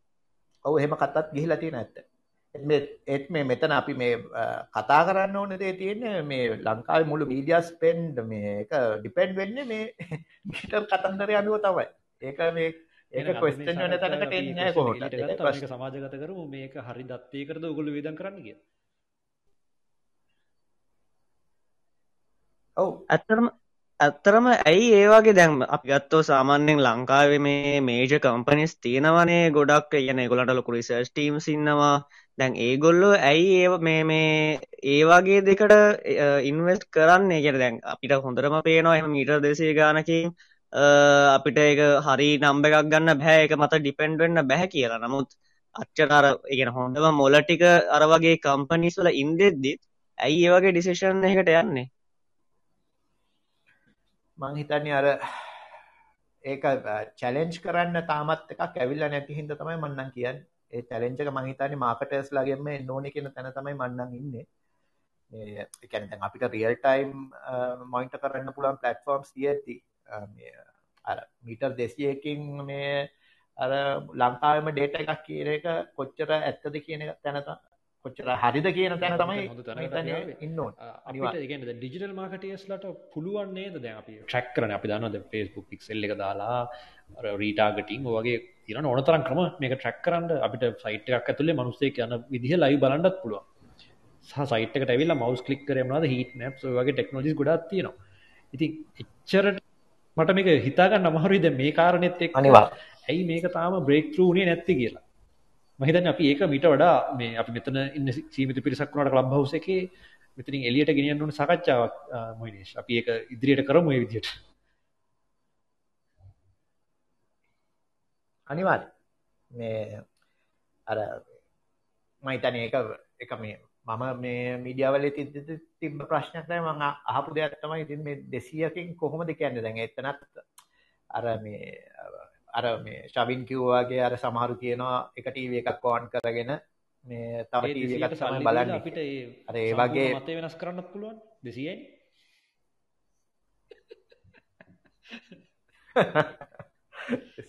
එකතු කරලා කික් කික් ස්ටාර්ටර් කැම්පේන් එකක් හරි GoFundMe එකක් හරි කරා නම් හරි. මට පොඩ්ඩක් මේ අපි මේ සාකච්ඡාවේ Q&A එකක් අපේ තියෙනවා Q&A එකක්. ඔයගොල්ලන්ගේ ප්‍රශ්න යොමු කරලා තියන්න හෑන්ඩ් රේස් කරොත් පිළිද පැතුලට ගන්නවා. මම පොඩ්ඩ අවසාන මම හිතන්නේ මනීෂාගේ කරු දැක්වීම අවසාන අධීරයේද අපි ඉන්නේ? හොඳයි. එනම ප්‍රශ්නයක් විදිහට යොමු කරන්න දැන් අලුතෙන් එන ඩිජිටල් මාකටර්ස්ලාට මට අපිට පොඩ්ඩක් දෙන්න පොඩි උපදෙස් ටිකක් දැන් ඔබ අප්ඩේටඩ් ඒ කියන්නේ ඔබ හැමතිස්සෙම අලුත් කරුණු ගවේෂණය කරනවා වෙබ්සයිට්ස් වලට යනවා ආටිකල්ස් කියවනවා අපිට පේනවා අපිට කතා කරනකොට ඔබේ සංඛ්‍යා දත්ත මත පදනම් වෙලා තමයි කතා කරන්නේ. ටිකක් හාසින් ගත්ත අයිඩියාස් දෙන පාටක් නැහැ. ඉතින් අලුතෙන් එන ඩිජිටල් මාකටර්ස්ලාට මේ දත්ත වලින් සන්නද්ධ වෙන්න ඕනේ නම් මේ දැනුමෙන් සන්නද්ධ වෙන්න ඕනේ නම් ඔබ අනුගමනය කරන්නේ මොන වගේ පියවරවල්ද මේ දැනුම වැඩි කරගන්න? ඒක අපිට පොඩ්ඩක් කියන්නකෝ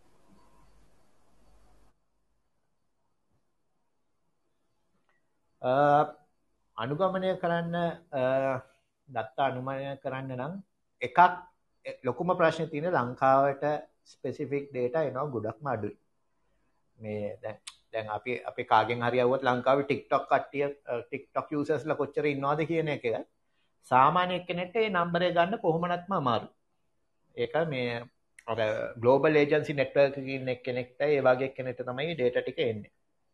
ඉතින් මේ ඒ වගේ තැනකදී මේ අර අපි පාවිච්චි කරන ගොඩක් ඔන්ලයින් පලටෆෝර්ම්ස් තියනවා මේ වගේ ඩේට බලාගන්න පුළුවන්. එකැනේ ඇඩවටයිසිං වලට හරි මාර්කටිං වලට එන කෙනෙට නම් කැම්පේන්ස් ගැන හරි අලුතෙන් ඇවිලා තියෙන දේවල් ගැන දැනගන්න හොඳම දේ තමයි ඇඩ්ඩේජ් කියලා තියෙනවා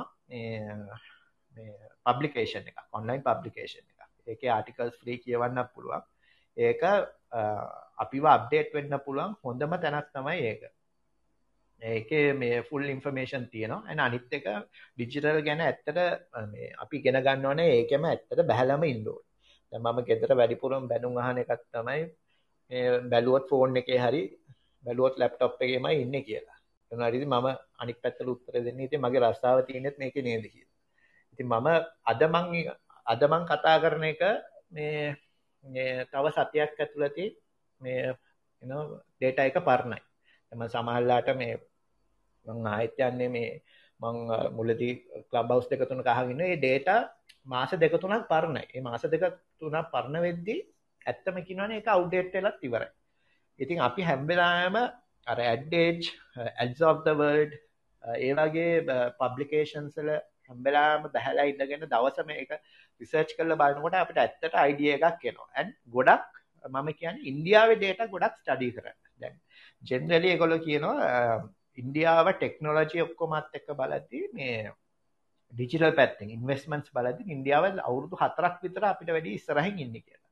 අපි කියනවා අපිට තමයි ඉස්සලාම 2G හම්බුනේ 2.5G හම්බුනේ 3G 4G 5G ඔක්කොම ලංකාවට ඉන්දියාවට ඉස්සලා හම්බෙනවා එවුනාට ඩිජිටල් තිංකින් ඩිජිටල් ඉන්වස්මන්ට් අතින් ඉන්දියාව අපිට වැඩිය ගොඩක් ඉස්සරහින් මම නිවියෝක් හරි මේ ලන්ඩන් මංකස් ගැන කතා කරන්නවත් යන්න එක ගොඩක් ඉස්තරෙන් තියෙන හින්දා.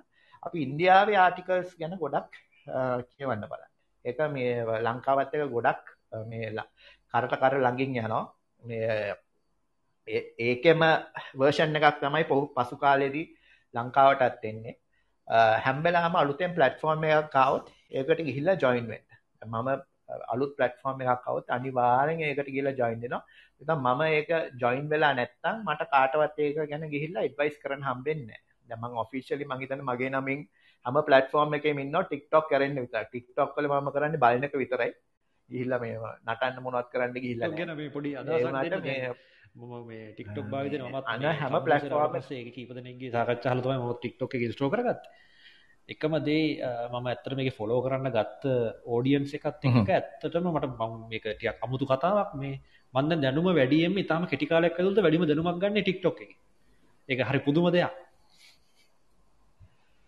ගැන පොඩි ලොකු ලොකු කරුණු විනාඩියකට සංශිප්ත කරලා මිනිසු කිය ටොක් පස්සේ එතරින් හට ආරම්භයක් ගන්න ඉතාම හොඳ පලට්ෆෝර්ම් එක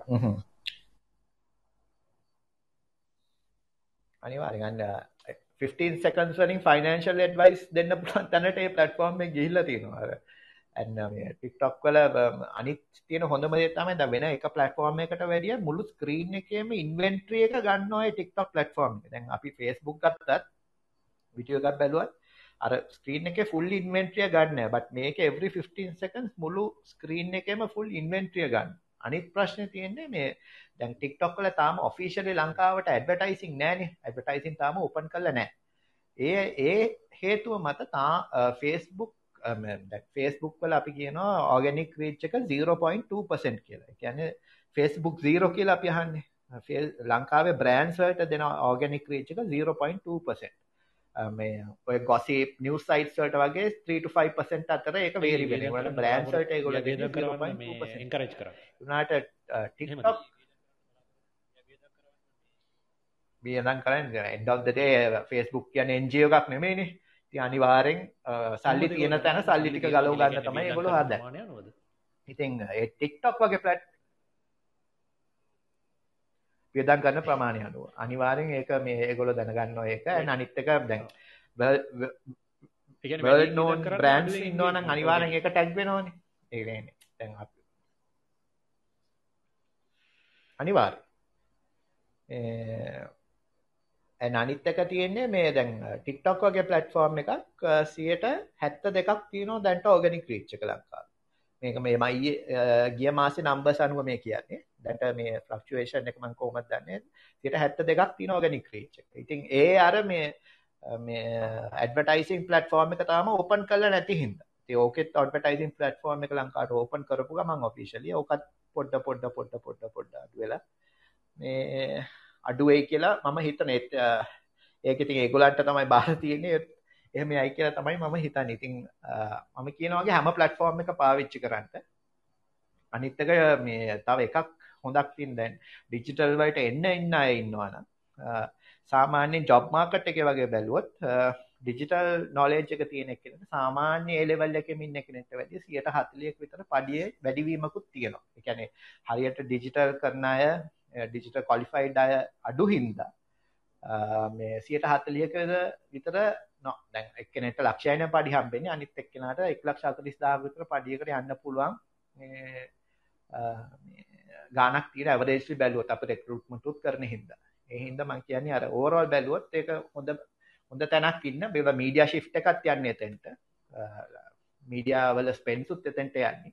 ඉතින් අපි මේ කාලේ ඇතුළත අපි ක්වොලිෆයිඩ් වෙලා අර කියන්නේ හැම්මෙන් මේක කරන් ගියොත් මේ ෆයිනෑන්ශලිත් අපිට ගොඩක් ගේන් කරන්න පුළුවන් වෙන සංජය මම තා පොඩි ප්‍රශ්නයක් කන අපි කිව්වන්නේ එකට යන්න කලින් පොඩි ප්‍රශ්නයක්.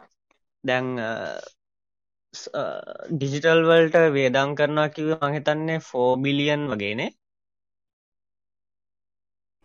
4.2 බිලියන් තමයි ප්‍රඩික්ෂන් එක මේ ප්‍රඩික්ෂණ එක. හරි. එතකොට එතන දෙයි වැඩිපුරම ස්පෙන්න් කරන පලටෆෝර්ම්ස් මොනවාද?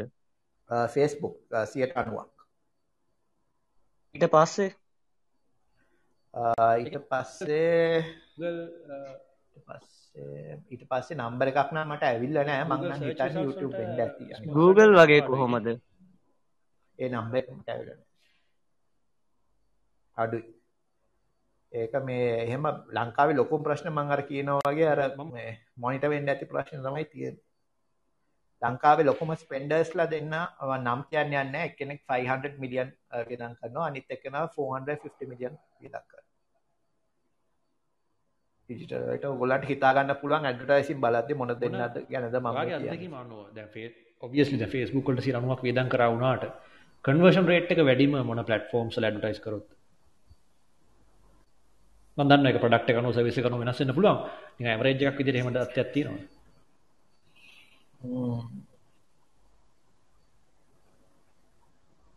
අපි මන්න අපි අපි මේ ඒජන්සියක් විදිහට ප්‍රෝග්‍රමැටික් ගොඩක් පාවිච්චි කරනවා. අපේම ප්ලැට්ෆෝම් එකක්. ඒක තමයි මට නම් පේන විදිහට වැඩිම කන්වර්ෂන් එකක් තියෙන්නේ කියලා මම මට කියන්න පුළුවන්. ඒ වුණාට අර කිව්වාගේ අර මේ අපි මාකට් කරන දේ අනුව මාර විදියට ඒක වෙනස් වෙනවා. සංජ මට එහෙම කියලා පොයින්ට් කරලා කියන්න මුලින්ම අත උසලා තිබ්බේ සාලංග දොඩම් කුමර ඉන්වයිට් කරනවා ස්ටේජ් එකට.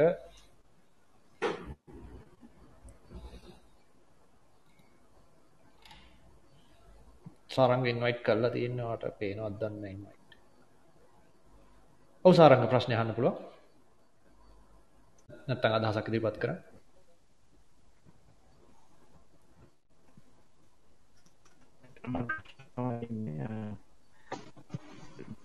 මුලදිම පිග ගන්න රිපොට් එකක් ගැන මට අන්න එක පපා කියන්න පුළුවන්න වටිනවා මටත් හරිට ඇහුණ මට ඇහුන්න සංජය මොකක්ද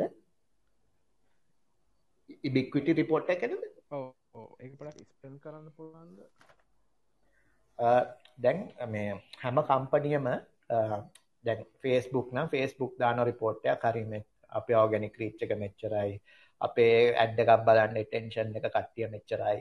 එහෙම කියලා ඒගොල්ලන්ගේ රිපෝට් දාන Google ඒගොල්ලන්ගේ රිපෝට් දාන උනට ග්ලෝබලි අර ඉන්ඩිපෙන්ඩන්ට්ලි ඕක ගැන රිසර්ච් කරන කම්පනිය තමයි කියන්නේ. ලෝකේ හොඳම කම්පනිය කිව්වොත්. ඉබික්විටි ඉබික්විටි කියන්නේ EBI QUITY ඉබික්විටි uh, කියලා තියෙන ප්ලැට්ෆෝම් uh, මේ කම්පනියක් ඒගොල්ලෝ තමයි මේක ඉන්ඩිපෙන්ඩන්ට්ලි මේ ගලෝබලි බලන්න මාන අර කිව්ව වගේ ටීවී ඇඩ් එකක් තප්පර 30ක් ගියාට ලංකා මිනිස්සු බලන්නේ තප්පර 13යි.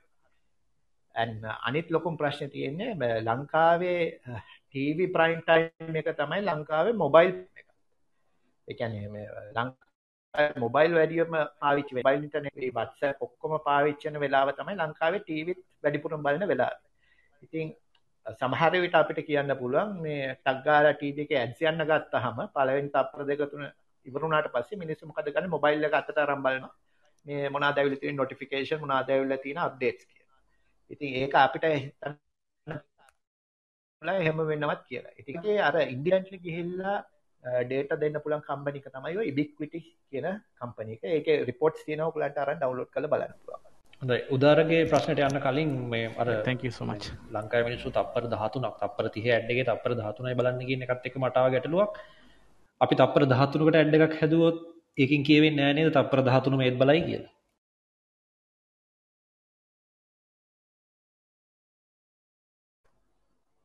ඕ එහෙම කියන්න බෑ බන්න ගලෝබලි මෙහෙම ට්‍රෙන්ඩ් එකක් ඇවිල්ලා තියෙනවා සංජය මේ ඩිජිටල් වලින් TV ads ඉගෙන ගන්න පටන් ගන්න. දැන් අ, YouTube එක අ, YouTube අ, ලංකාවට දෙන ගයිඩ්ලයින් එකක් තියෙනවා අපි එක වෙනම දවසක කරමු මේ perfect YouTube ad එක හදන්නේ කොහොමද කියලා වෙනම ගයිඩ්ලයින් එකක් දීලා තියෙනවා. ඒකේ දීලා තියෙන මේ මේ පළවෙනි රූල් එක තමයි අ, මේ වීඩියෝ එකේ තියෙන පීක්ම අවස්ථාව පළවෙනි තප්පර පහ ඇතුළත පෙන්වන්න කියලා. ඒ කියන්නේ වීඩියෝ එකේ තියෙන හොඳම තැන. ඒ කියන්නේ මේ පීක්ම තැන මුලින්ම පෙන්වන්න කියලා. අ, දැන් මේ දැන් සාමාන්‍ය ටීවී ඇඩ් එකක අපි දකින්නේ කවුරු හරි ගෙදර ආවා, කෑවා බිව්වා. ඊට පස්සේ මොන හරි වෙලා එතනින් නේ ටීවී කමර්ෂල් එක ඉවර වෙන්නේ. ඒ කියන්නේ හොඳම හරි හොඳම දේ වෙන්නේ මේ කමර්ෂල් එකේ අන්තිම හරිය. ඒ වුණාට ග්ලෝබලි YouTube වල ඒගොල්ලෝ කියන්නේ වීඩියෝ එකේ තියෙන හොඳම දේ තප්පර පහ ඇතුළත පෙන්නලා. එතකොට මිනිස්සු මොකද කියන්නේ තප්- පළවෙනි තප්පර පහ බලනවා. ඊට පස්සේ ඊට පස්සේ ඒගොල්ලෝ කියන පහ ඇතුළත පෙන්නුවට පස්සේ ඒක වෙච්ච විදිය ඊළඟ තප්පර 25 ඇතුළත පෙන්වන්න කියලා. එන්න ඒ මොඩල් එකම තමයි දැන් ග්ලෝබලි ඩිජිටල් වලින් ඉගෙනගෙන TV ඇඩ්වර්ටයිසිං වලට මේ මොඩල් එක එනවා. ඒ කියන්නේ ඒක කරපු අ, ලස්සන කමර්ෂල්ස් දෙක තුනකුත් තියෙනවා. හයින්ස් බීන්ස් කියලා තියෙනවා ඇඩ් එකක්. හයින්ස් බීන්ස් කියලා හයින්ස් බීන්ස් ඇස්ට්‍රොනොට් කියලා තියෙනවා. ඒක YouTube වලට ගිහිල්ලා බලන්න. ඒකේ බලන්න පහ පළවෙනි පහ තප්පර පහ ඇතුළත ෆුල් ඒ කියන්නේ වීඩියෝ එකේ පීක් එකම පෙන්නලා ඊළඟ තප්පර 25 ඒ පෙන්වන්නේ ඒක කොහොමද වුනේ කියලා. ඉතින් ඒ වගේ ලර්නින්ග්ස් උත් මේ අර කියන්නේ ඩිජිටල් වර්ල්ඩ් එකෙන් දැන් you know advertisers like creatives like ඉගෙනගෙන මේ අර මිනිසුන්ගේ attention එකත් එක්ක කියන එකත් එක්ක මේ අ, මේ manipulate කරන්න පටන් අරගෙන තියෙනවා. අපි උදාරගේ ප්‍රශ්නට on එකක් විදිහට තමයි කිව්වේ.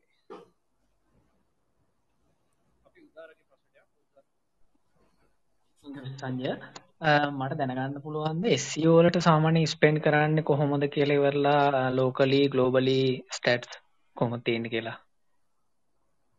සොරි උදාර ඒ නම්බ එක නම් එහෙම පබ්ලිෂ් වෙලා නෑ. මට ඔන්න එක පොඩක් හොයලා බලලවට කියන්න පුළුවන්.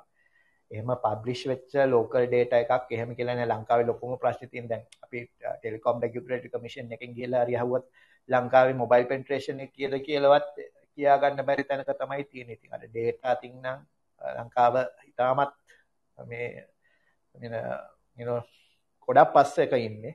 මේ දැන් සම අපි ගොඩක් අයගෙන් අහුවත් ලංකාවේ ඉන්ටර්නෙට් යූසර්ස්ලා කීයක් ඉන්නවද කියලා ඒක හරියට කියා ගන්න බැරි තැනක ඉන්නේ ඒක එක නම්බර්ස් ඩිජිටල් sorry මම ඒක හොයලා දෙන්නම් හැම අවුරුද්දකම අපි දකිනවා. එතකොට ඒක වැරදිද?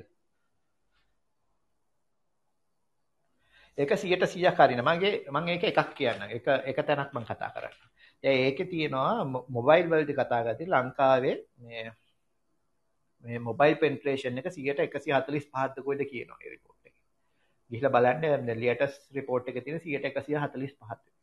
දැන් අපි හැමෝම දන්නවා මේ ලංකාවේ අපි දන්න හැම මිනිස්සයටම මොබයිල් ෆෝන් එකක් නැහැ කියලා.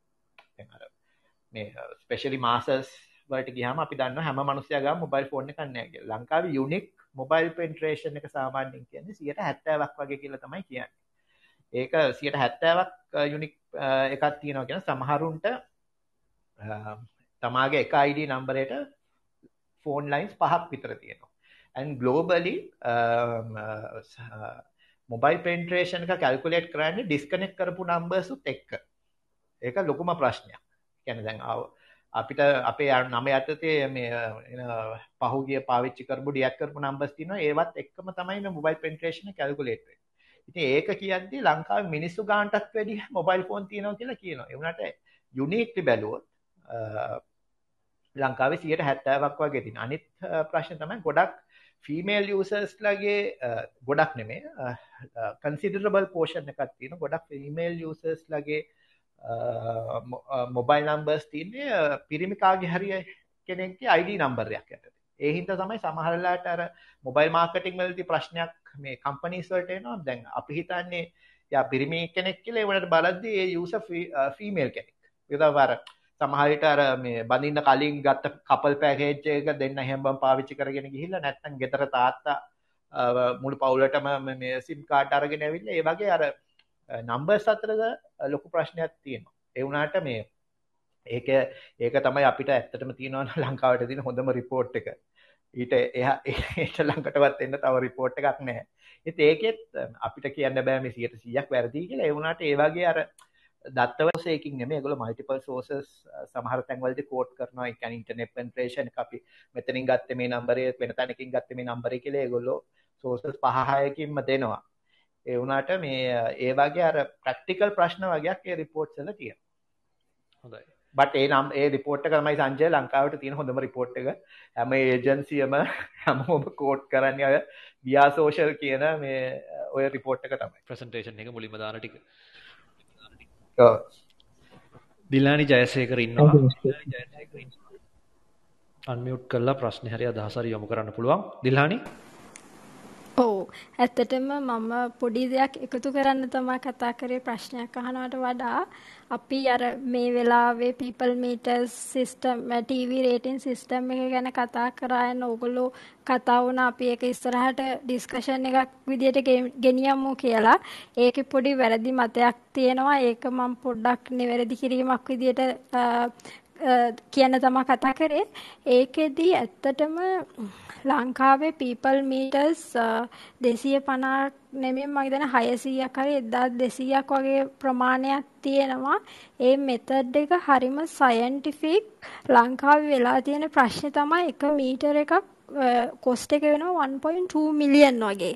එතකොට අපේ මීටර්ස් ගාන වැඩි කරන්න ගියවහම රිසර්ච් කොස්ට් එක වැඩි වෙනවා. ඒක ඇඩ්වර්ටයිසින් ඒජන්සීස් වලට එහෙම පොඩක් බෙයා කරගන්න අමාරු ප්‍රශ්නයක් තියෙනවා. හැබැයි ඩිවලොප් මාකට් වලත් මේ වගේ මීටර්ස් ප්‍රමාණය ගොඩක් නෑ ඉවන් UK මාකට්ස් වලත් මේ වගේ ප්‍රමාණයක් තමයි පොපියුලේෂන් එකට සාපේක්ෂව තියෙන්නේ.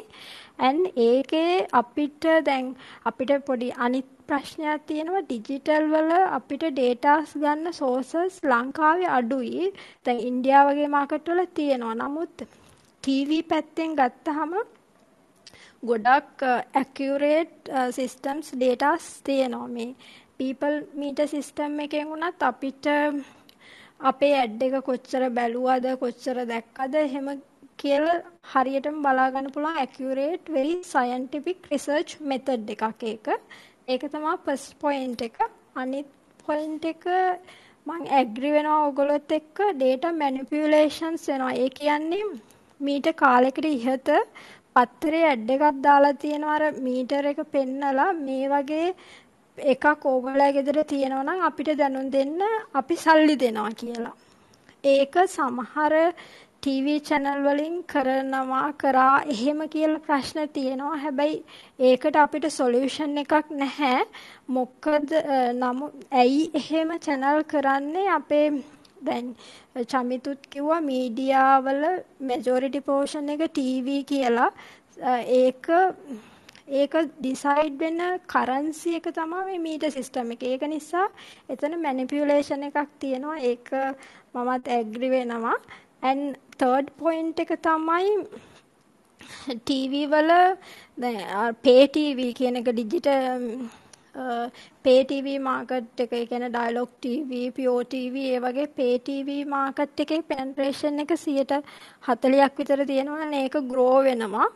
ඒකෙදි මං චමිත් එක්ක ඇග්‍රි වෙනවා එහෙම කරන් මේ වැඩි වෙන්නේ මේල්ලි හැබැයි per day TV කියලා. ඒ කියන්නේ දැන් රූරල් ඒරියාස් වල මිනිස්සුන්ට හවසට තාමත් පවුලත් එක්ක එකතු වෙලා ටීවී බලන එක තමයි ඒගොල්ලන්ගේ මේන් එන්ටර්ටේන්මන්ට් එක.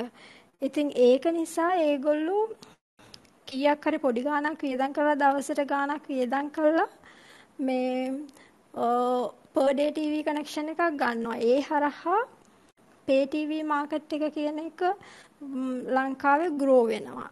ඒ පොයින්ට්ස් තුන තමයි මට කියන්න අවශ්‍ය වුණේ and thank you very much uh, opportunity එක දුන්නට and සමිත්ගෙත් ගොඩාක් මේ valuable ideas දුන්නා. ඒකට thank you. thank you very much. මේ මම හිතන්නේ හොඳ පොයින්ට්ස් ටිකක් ඔය ඇඩ් කරේ. අපේ යම්කිසි දත්තවල නිරද්ධතාවය ගැනත් නැවතත් ඒක සඳහන් කරා. බොහොම ස්තුතියි ඒකට. මොයිනේෂ් ඒ ගැන අදහසක් තියෙනවද? එක හරිවෙන්න ඕනේ සංජය මේකන් දිල්හාන් කියන්නේ මේ මටත් වැඩිය මේ මීඩියා මීඩියා මේ ලෑන්ස්කේප් එකේ හොඳට දන්න කෙනෙක්. යා මේ බිස්නස් එක ගොඩක් කල් හිටපු කෙනෙක්. මම ඉන්නෙත් මම කිව්වා වගේ අර ඩිජිටල් බෑග්ග්‍රවුන්ඩ් එකකින් හින්දා මට මේ එක්සැක්ට් ඩේටා එක මම අර කිව්වා වගේ මීටර් ගාන මට කියන්න ෂුවර් නැති එකේ උනාට මම හිතන්නේ ඩිල්හානි එක කියනවනම් ඒ ගාන හරි වෙන්න ඕනේ අනිවාර්යයෙන් ඔව් මම හිතන්නේ ඒ වගේ නම්බර එකක් එක්ක මම හිතන්නේ අර ස්ටැටිස්ටික්ස් වලටත් ප්‍රශ්නයක් වෙන්නේ නැහැ මේ oh it's if it's over 600 or 1000 then අපිට ඒක එතකොට යම් කිසි ලෙවල් එකක නිරෝධතාවයකින් තියෙනවා කියලා ඇග්‍රී වෙන්න පුළුවන්. දිලන් බොහොම ස්තුතියි අදහස් වලට. ඉයන් ඉද්දමල් ගොඩ ඉන්නවා.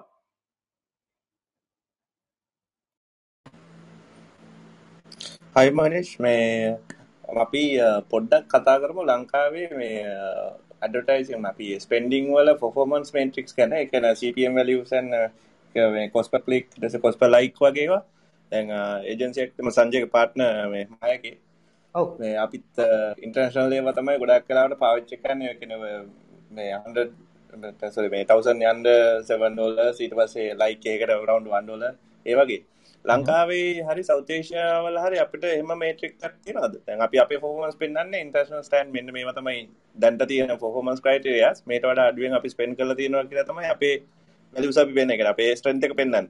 ලංකාවේ හරි සෞතේශය හරි ඒවට හදපු ඩේටා එකක් මොකක් හරි තියෙනවද? මට තාම හම්බෙලා නැහැ.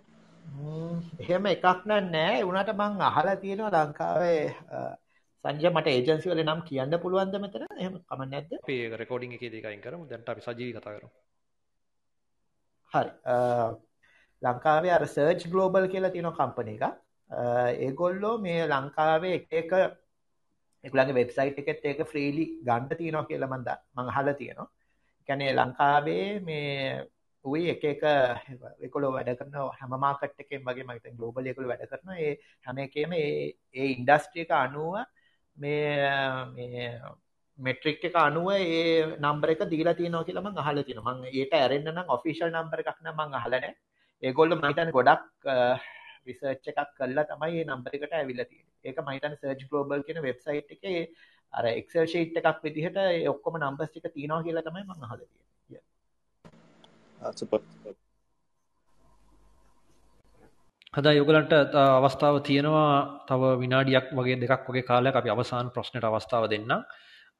ඉතින් මොයිනිස්ට අවසාන වශයෙන් යම් කිසි අදහසක් දක්වන්න පුළුවන්ද දැන් අපි මේ සාකච්ඡාව මූලික වශයෙන් අරමුණුනේ කොහොමද ලංකාවේ මීඩියා කන්සම්ප්ෂන් එක යන්නේ කියලා.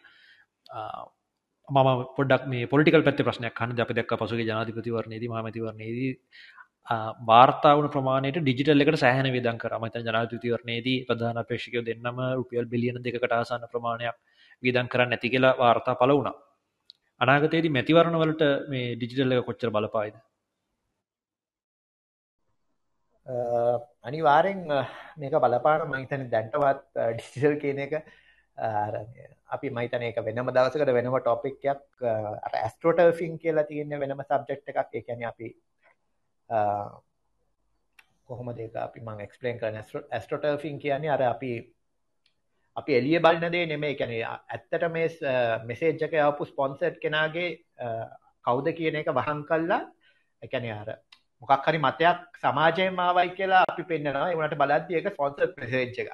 ඒ කියන කන්සෙප්ට් එක මාර විදිහට මට පේනවා මේ අර මේ ජනරල් ඉලෙක්ෂන් වලටත් පාවිච්චි වෙනවා. ඉලෙක්ෂන් වලට ඉස්සෙල්ලා මේ අර නිකන් ඒක මේ මොකක් හරි අලුතෙන් දෙයක් සමාජගත කරන්න ඕන නම් ඒක පාවිච්චි කරනවා. මේක ඇහැට පේනවා. අර මම හොඳම එක්සැම්පල් එකක් මම කියන්නේ අපි දැන් මැච් එකක් මොන හරි පරදිච්ච ගමන් අපි දකින්න නේද සමහර පේජ් වලින් ඒ අර ෆේල් වෙන ක්‍රිකටව ප්‍රමෝට් කරන්න පෝස්ට් යන විදිහ එකැන නෑ නෑ යා මේ කාල්ට මෙහෙම කල්ලා තියෙනවා මෙන්න මෙයාගේ බැටිං ඇවරේජ් එක මෙහෙමයි මෙයා හිටියේ නැත්නම් ඒ කියන්නේ මෙයා ඉස්සර මෙහෙම කල්ලා තියෙනවා මෙයාට chance එකක් දෙමු ඒ කියන එක අපි ඒක හරියට දකින්නවා ඒ කියන්නේ අර සමාජයෙන් මතයක් එනවා කියලා පෙන්වනවා ඒ උනාට බලද්දි ඒක ඇත්තට කියනවා නම් ස්පොන්සර්ඩ් පෝස්ට් එකක්. ඉතින් මම හිතන්නේ මේ අර ඔකට කියන්නේ ඇස්ට්‍රෝටර්ෆින් කියලා. ඔය ඇස්ට්‍රෝටර්ෆින් කියන එකේ කන්සෙප්ට් එකට uh, වෙන ගොඩක් ග්ලෝබල් කැම්පේන්ස් උත් දැන්ට වෙලා තියෙනවා. අපිත් uh, ළඟදී ඇස්ට්‍රෝටර්ෆින් කියන කැම්පේන් එකට uh, කන්සෙප්ට් එකට කැම්පේන් එකක් කළා කළු මල් පොකුණ කියලා. කළු මල් පොකුණ කියන්නේ අපි ලංකාවේ මේ හිතූ පැතූ සම්පත් ලැබෙන ලංකාවේ සිංහරාජ කැලේ ඇතුලේ තියෙනවා කියලා මේ පොකුණක් තියෙනවා කියලා මිනිස්සුන්ව ඒකට යවන්න හැදුවා හැම කැම්පේන් එකක් කරා. මම ඒක වෙනම දවසක ඩිස්කස් කරන්න. ඉතින් අර සංජය කිව්වා වගේ පොලිටිකල් වලට අනිවාර්යෙන් ඩිජිටල් කියන එක අනිවාර්යෙන් ලොකුම දෙයක් වෙනවා. අනිත් එක අර දැන් normal political advertising වල එන ඔය කියන්නේ environmental pollution එකත් ගැනත් දැන් ගොඩක් අය කතා වෙන හින්දා මං හිතන්නේ ටීවී වලට පස්සේ අනිවාර්යෙන් ඩිජිටල් වලට ලොකු ස්පෙන්ඩ් එකක් එනවා අනිවාර්යෙන් එතකොට ඩිජිටල් එකේ ෂිෆ්ට් එක එහෙම නැත්නම් ඒවයි පෝල් එකක් රන් කරලා එන උත්තරේ අවසාන රිසල්ට් එකත් එක්ක කොච්චර දුරකට ගැලපෙයිද නිර්වද්‍යතාවය ගැන අදහසක් ගන්න පුළුවන් දෙකකින් නෝක තමයි අර මං අර මුලදිම කිව්වේ අර ටීවී එකේ දැක්කා රේඩියෝ එකේ ඇහුණා පත්‍රය දැක්කා කියන එකට තාම ඩිජිටල් වලට එච්චර චැලෙන්ජ් කරන්න බැරි වෙලා තියෙන්නේ සමහර ටොපික්ස් වලදී ඔය ප්‍රශ්න උට තමයි. ඒක ඇක්චුअली මැනිපියුලේට් කරන විදියක් ඇත්තටම තියෙනවා. ඒක කරන්න පුළුවන්. මේ ඉතින් ග්ලෝබලි බැලුවත් ගොඩක් කැම්පේන්ස් තියෙනවා ස්ටාර් වෝල්ස් වල කැම්පේන් එකක් ඒ වගේ වුණා. අර මේ මූවි ලොන්චර්ස් දෙක තුනකදී ඒ වගේ මේ අර ෆේක් ෆේක් මතයක් මිනිස්සු අතරට ගෙනිච්ච ඒවා තියෙනවා. ඉතින් අර එතනදී ඇත්තට එම් ප්‍රශ්නයක් තියෙනවා සංජය. ඔය මේ සොරි ඒ ඒ මතය මේ ඉගෙන මිනිස්සුන්ගේ තුළ මතයක් පැල කරන එක මේ මං හිතන්නේ ඇත්තටම මිනිස්සු දැනගන්න ඕන දෙයක් කියලා. ඒක සමහරට මාකටර්ස්ලා නම් කැමති වෙන එකක් නැහැ. මේ ඒක මිනිස්සු අතරට ප්‍රසිද්ධ වෙන එක. කියන්නේ ඇත්තටම වෙන්නේ මොකක්ද කියලා මිනිස්සු දැනගන්න එක ගොඩක් මාකටර්ස්ලා කැමති වෙන ගන්න නමුත් මම පෞද්ගලිකව දකින්න නම් ඇත්තටම මිනිස්සු එක දැනගන්න ඕන. මොකද සමාජයේ මේ සෑහෙන්න මිනිස්සුන්ව මැනිපියුලේට් කරන්න ඕක පාවිච්චි කරන ඔය ක්‍රමවේදය. ඉතින් අපිට පුළුවන් නම් හොඳයි ඒක ගැනත් වෙනම වෙලාවක් කතා කරන්න සෙෂන් එකක් දාන්න පුළුවන් නම්. ඒකයි මම තව ප්‍රශ්නයක් අහන්නම්. මේ අපි ගත්තොත් මිනිස්සුන්ට ඉන්ෆ්ලුවන්ස් කිරීමේ පවක වැඩිපුර තියෙන ටෙලිවිෂන් එකටද ඩිජිටල් වලටද?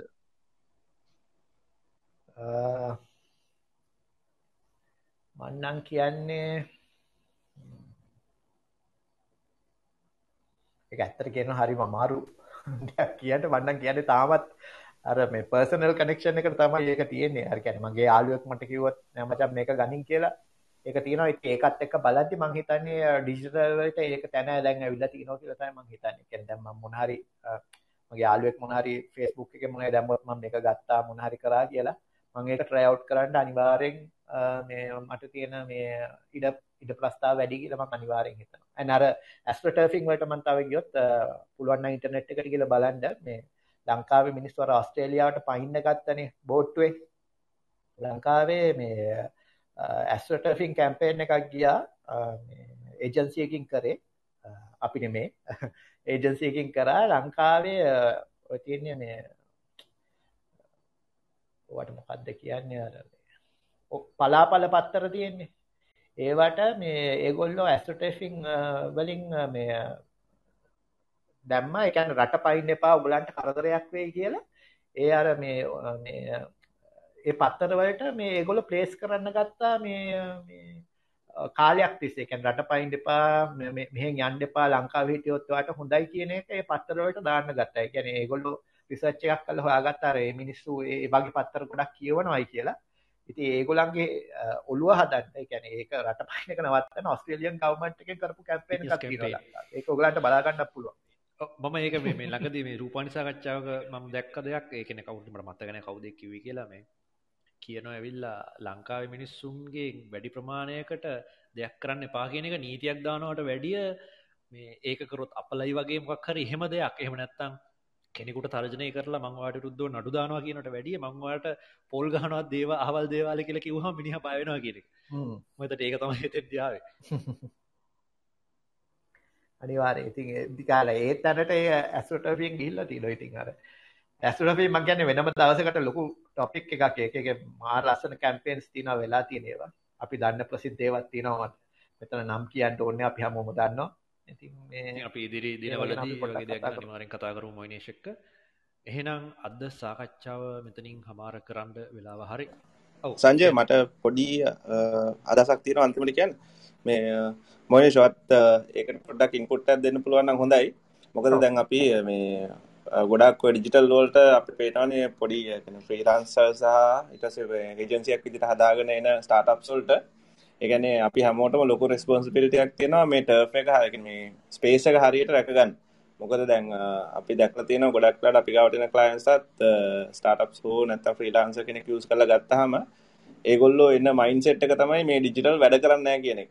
එතකොට මේ අපි ඔක්කොම මහන්සි වෙන්නේ මේකට හරි ස්ටෑන්ඩඩයිස් මේකක් හදන්න ලංකාව එක මේක අත්තන පාෆුල් මේක අපිට මේ ස්ටෑන ක්‍රේටු දේව කරන්න පුළන් කෙනෙක් එකින්ද මේ ප්‍රයිස් එක මේන්ටෙන් ප්‍රයිස් ස්ටන්ඩඩ් මේන්ටේන් කරන එකයි අපේ කොල්ටිය එක. එකැන පේජ් එකක් කියන්නේ පෝස්් දාන නිකම් බූස්ටයක් කන තනක් මේ ටජිකලි ප්ලේ කරන්න පුළුවන් තැනක් කියන එක මේ ඔගල පොඩක් තේරුම් ගන එකත් එක් එනවන හොඳයි. මොකද සමරලාවට පොඩි ගනන්වට ඔගල පෝස්ට එකක් විදිහක් හදල දානකින් අර මේ අපිට කරන්න පුළුවන් ලොකු දේවල් පොට මිටිගේට් වෙන්න පුළුවන්. නිර්මශ් අපි අනිවාරෙන් තාම මිනිසුගේ ඔළුවෙත් තියෙන ඩිජිටල් කියන එක හරි ලාබයි කියන තැනකත් ඉන්නේ. තාමත් සමහර අය අප්ඩේට් වෙලා නැහැ මේ අර අර මේ ඒ කියන්නේ අර ඕගැනික් රීච් එකේ ප්‍රශ්නෙත් ගොඩක් අය තාම අප්ඩේට් වෙලා නැහැ. අර හිතන්නේ අර පෝස්ට් එකක් දැම්ම ගමන් ඒක ඉබේම පේජ් එකේ ඉන්න හැමෝටම පෙනේ කියන තැනකට තමයි. ඉතින් අර මේ ඒ වගේ ඒජන්සි එක අර මේ වල එක්ස්පර්ටිස් එක තමාම තමාව අප්ඩේට් කරගන්න එක තමාම මේ ක්ලයන්ට් ඒ දැනුමත් දීන එක දැන් අපිට අපි සාමාන්‍යයෙන් අපේ ඒජන්සියක් විතර අපි කරන්නේ අපි අපි ඉගෙන ගන්නවා වගේම අපි ක්ලයන්ට්වත් දැනුවත් කරනවා. එතකොට අපිට මේ වැඩේ ඉස්සරහට කරගෙන යන්න අපිට ලේසි. ආයතන අපිට කන්වින්ස් කරන්න යද්දී අපිට තවත් ලේසි. ඉතින් මේ මම අර ප්‍රයිස් වෝ එක ගැන නම් මම කියන්නවත් යන්නේ ඒක අපිට තියෙන මම හිතන්නේ ලොකුම ප්‍රශ්නයක්. ඉතින් අපි අපි කොච්චර හොඳ මීඩියා ප්ලෑන් එකක් දුන්නත් අන්තිමට හැම 80%කදී වගේ ලංකාවේ මේ ඩිසයිඩ් වෙන්නේ අන්තිමට මේ ඒ ගාන මත තමයි ඒගොල්ලෝ කියන්නේ. දැන් මේ ඊයේ පෙරේදත් මේ අපි දෙන සාමාන්‍ය ස්ටෑන්ඩඩ් එකක් ගානක් තියෙනවා ඒ මේ අපේ සෝෂල් මීඩියා රිටේනර්ස් වලට අපේ මේ මෙජොරිටි අපේ බිස්නස් එක තාමත් එන්නේ සෝෂල් මීඩියා වලින් හින්දා. මේ උනාට මේ රුපියල් 20000කට වගේ එක්කෙනෙක් කළා අපිට ඒක හිතා ගන්නවත් බෑ අන්ලිමිටඩ් පෝස්ට් දෙන ගානකට ඇවිල්ලා තියෙනවා. ඒ වුණාට මේක ප්‍රශ්නේ තියෙන්නේ මොන හරි එකක් ඇනගත්තට පස්සේ මොන හරි ප්‍රශ්නයක් වුණාට පස්සේ ආයෙත් අපි ගාට දුවගෙන යනවා. දැන් ඔතන වෙන්නේ ඔය කොස්ට් එක මේගොල්ලෝ හැන්ඩල් කරන්නේ ඔය Google වලින් මොන හරි අර කොපිරයිට් බලන්නේ නැතුව නිකන් පින්තූර අරගෙන කිසිම අර කියන්නේ ලීගල් පැත්ත මොනවද බලන්නේ නැතුව කරද්දී ඔය ඔක තියෙන්නේ. උනාට මොන හරි වුණාට පස්සේ අපි ගාවට එනවා. උනාට එතකොට ඉතින් ලොකු ඩැමේජ් එකක් වෙලා තියෙනවා. දැන් මම දන්න බ්‍රෑන්ඩ් තුන හතරක්ම මම දන්නවා මේ ළඟදී ලොකු ලීගල් ප්‍රශ්න ගොඩකට ආපු අය. කියන්නේ ට්‍රැක් සොරකම් කළා දාලා මේජර් සොරකම් කළා දාලා ඔව් කොපිරයිට් කියන එක දැන් ලොකුම ප්‍රශ්නයක්. අනිවාර්යෙන් දැන් ඒක මේ ටිකේ මොනිටර් වෙනවා. කියන්නේ අපි මේ දැන් කුරුල්ලෙක් ගත්තේ කුරුල්ලගේ ළඟදී මම දන්න බ්‍රෑන්ඩ් තියෙනවා කුරුල්ලෙක් පෝස්ට් එකට කුරුල්ලගේ නැට් කෑල්ල විතරක් වෙන ඉමේජ් එකකින් ගලවලා තිබ්බා. ඒක ඇල්ගොරිතම් එකට අහු වෙලා ඒගොල්ලන්ට මිලියන ගණනක් ළඟදී ගෙවන්න උනා. ලොකුම බ්‍රෑන්ඩ් එකක්. ඉතින් මේ මං කියන්නේ කොපිරයිට් කියන එක දැන් අනිවාර්යෙන් බලාගෙන ඉන්න බ්‍රෑන්ඩ් මේ ඔය කම්පනීස් ඔක්කොම මං හිතන්නේ ඒවා අවුට්සෝස් කරලා තියෙන වෙන කම්පනීස් වලට මේක හොයන්න කියලා. ඉතින් එහෙම මේ ඒක ලොකුම ප්‍රශ්නයක්. දැන් පොඩි ෆ්‍රීලාන්සින් වගේ කරන අයට ඒක පොඩ්ඩක් පොඩ්ඩක් මේ ලොකුවටම බලන්න ඕන දෙයක් කියලා තමයි මං හිතන්නේ. ප්‍රයිස් වෝ එක නම් ඉතින් ලොකුම ප්‍රශ්නයක් තමයි ඒජන්සි වලට. ඒක තමයි. මේ අපිටත් මේ ඊයේ ආපු හොඳම එක්ස්පීරියන්ස් එකක් තමයි මේ තමයි මේ එකනෙක් කරලා තියෙනවා. ගැන ගොල පෝස් තිහක් හදනවා මාසට. ඒත් ගන්න තිස්පන්දයි කැම්පේන් මනේජ් කරන්නයි ඔක්කොම කරන්න එත් එක් ඉතින් මේ කලයින්ට ඒම කිව්වා මට තිනාගිල මංකවා මේ ඒ වගේ ඒජන්සියක් අපිත් හයර් කරගන්න ඕනේ. මේ ඩිවලොපර් මේ ඩිසයිනර් කෙනෙකුට කියවලා කොහොමද තියාගන්න කියලා පොඩක් අහගන්න අනිවාර්යෙන් ඉතින්. අද කරන්නේ ඉතින්. අර ඒක අර කොස්ට් එකෙන් තමයි Apple to Apple බලන්න හදෙන්නට අර ඒකේ පිටි එක පිටිපස්සේ කොච්චර මීඩියා ප්ලෑනින්ග් එකක් යනවද ඒ මීඩියා ප්ලෑනර්ස්ලාගේ එක්ස්පීරියන්ස් එක කොහොමද දැන් සෝෂල් මීඩියා ක්‍රයිසිස් එකක් අපිට කවදා එයිද කියලා අපිට කියන්න බෑනේ. අනිවාර්යෙන් කවදා හරි එනවා. ඒක අපි අනිවාර්යෙන් දන්නවා. ක්‍රයිසිස් එකක් බෑන්ඩ් එකකට අනිවාර්යෙන් එනවා. ඒක if uh, if නෙමෙයි when කියන තැනක තමයි අපි ඉන්නේ. ඉතින් අර ඒ වගේ ඒජන්සි එකකට මේ අර ඒ වගේ රුපියල් 20000කට ගන්න ඒජන්සි එකට ඒක ටෙක්නිකලි එක හැන්ඩල් කරගන්නවත් විදිහක් නැහැ. මේගොල්ලෝ ඒ පැත්ත බලන්නේවත් නැහැ. ඉතින් ඒ වගේ තැනක තින්දිද්දී මේ අර Apple to Apple clients ලගේ පැත්තෙමුත් clients ලා මේ හරි ඕගොල්ලෝ මෙච්චර ගාණක් ඉන්නවට මේගොල්ලෝ 20000ට දෙනවා. ඉතින් කියන තැන මම හිතන්නේ කම්පෙයාර් කරන්න බැරි තැනකට දැන් ඇවිල්ලා තියෙන්නේ මේ කියන එක තමයි මාත් කියන්න තියෙන්නේ. ඔයගොල්ලන්ට ප්‍රයිසිං වලට ගයිඩ්ලයින් එකක් වගේ එහෙම කියන්නේ කියන්නේ එක්ස්පීරියන්ස් තියෙන කට්ටියට ඒ වගේ මොකක් හරි දෙයක් දෙන්න පුළුවන්ද කියලා පොඩි අයිඩියා එකක් විදිහට මගේ ප්‍රයිසිං වලට ගයිඩ්ලයින් එකක්. ඒක මම හිතන්නේ ඒක ඒජන්සියෙන් ඒජන්සියට වෙනස් වෙනවා. ඒගොල්ලන්ට තියෙන ඕවර්හෙඩ්ස් අනුව වෙනස් වෙනවා. දැන් සාමාන්‍යයෙන් ගලෝබල් ඒජන්සි වලට තියෙන ඕවර්හෙඩ් ගාන මේ සාමාන්‍යයෙන් මිඩල් ටියර් ඒජන්සි එකකට නැහැ. ඉතින් මේ එහෙම කියලා ගයිඩ්ලයින් එකක් දෙන්න බෑ. ඊයන් ඔයාට පුළුවන් ද දන්නේ එහෙම ඔයගලන් මොන හරි පාවිච්චි කරන එකක් අපේ නම් මේ එහෙම ගයිඩ්ලයින් එකක් කියලා නෑ. අපි අර ස්කෝප් එක බලලා කොච්චර ඒගොල්ලන්ට ඕනේද කියලා බලලා යන ප්ලැට්ෆෝම්ස් ගාන බලලා එහෙම තමයි අපි දෙන්නේ. ඒකද මොකද දැන් අර ඉස්සර වගේ මේ සිංගල් ප්ලට්ෆෝම් එකනේ ඇත්තටම සිංගල් ප්ලට්ෆෝම් මාර්කටිං කරලා ලොකු වැදගත්කමක් නැහැ අර ස්ට්‍රැටජික් විදියට යන එක ඇරෙන්න. ඒකින්ද මේ අර එහෙම ෆ්ලැට් චාර්ජ් එකක් කියන්න අමාරුයි but definitely මේ not in uh, 30 to 40000 thank you thank you හොඳයි එහෙනම් මම හිතන්නේ අද සෑහෙන වැදගත් කරුණු රාශියක් සාකච්ඡා කරා. අපි පැය කමාරකට අධික කාලයක් මේ සාකච්ඡාවත් එක්ක සම්බන්ධ වෙලා හිටියා. ඉතින් මම ඔයගලන්ට ආරාධනා කරනවා මොහිනේෂ් දැන් දිගටම ක්ලබ් හවුස් එකේ ඉන්නවා. අපිත් එක්ක සම්බන්ධ වෙලා ඉදිරි වැඩසටහන් වලටත් එයි. ඉතින් ඔහුවත් ෆලෝ කරන්න මේ ස්ටේජ් එකේ ඉන්න ස්පීකර්ස් ලවත් ෆලෝ කරන්න. එය ඊට අමතරව අපි පොඩි මතක් කිරීම දෙක තුනක් කරන්න කැමති අපේ හෙට ඩිස්කෂන් එකක් තියෙනවා හෙටද අනිද්ද ශවින් ශවින්ගේ චනල්ල එකේ රෝවිත්මයන්න කලබරේෂන් එකක් විදිහට අපේ ඊලරින් ඩොටල්ගේ channel එකත් එක්ක ඒක ගැනත් පොඩි මතක් කිරීමක් කරමු. ඔව් අපි කාලිත් එක්ක සෙෂන් එකක් කරන්න බලාපොරොත්තුවෙන් ඉන්නවා. ඒක තාම මේ වෙලාව ෆික්ස් කරගත්තේ නැහැ. අපි ඒ ගැන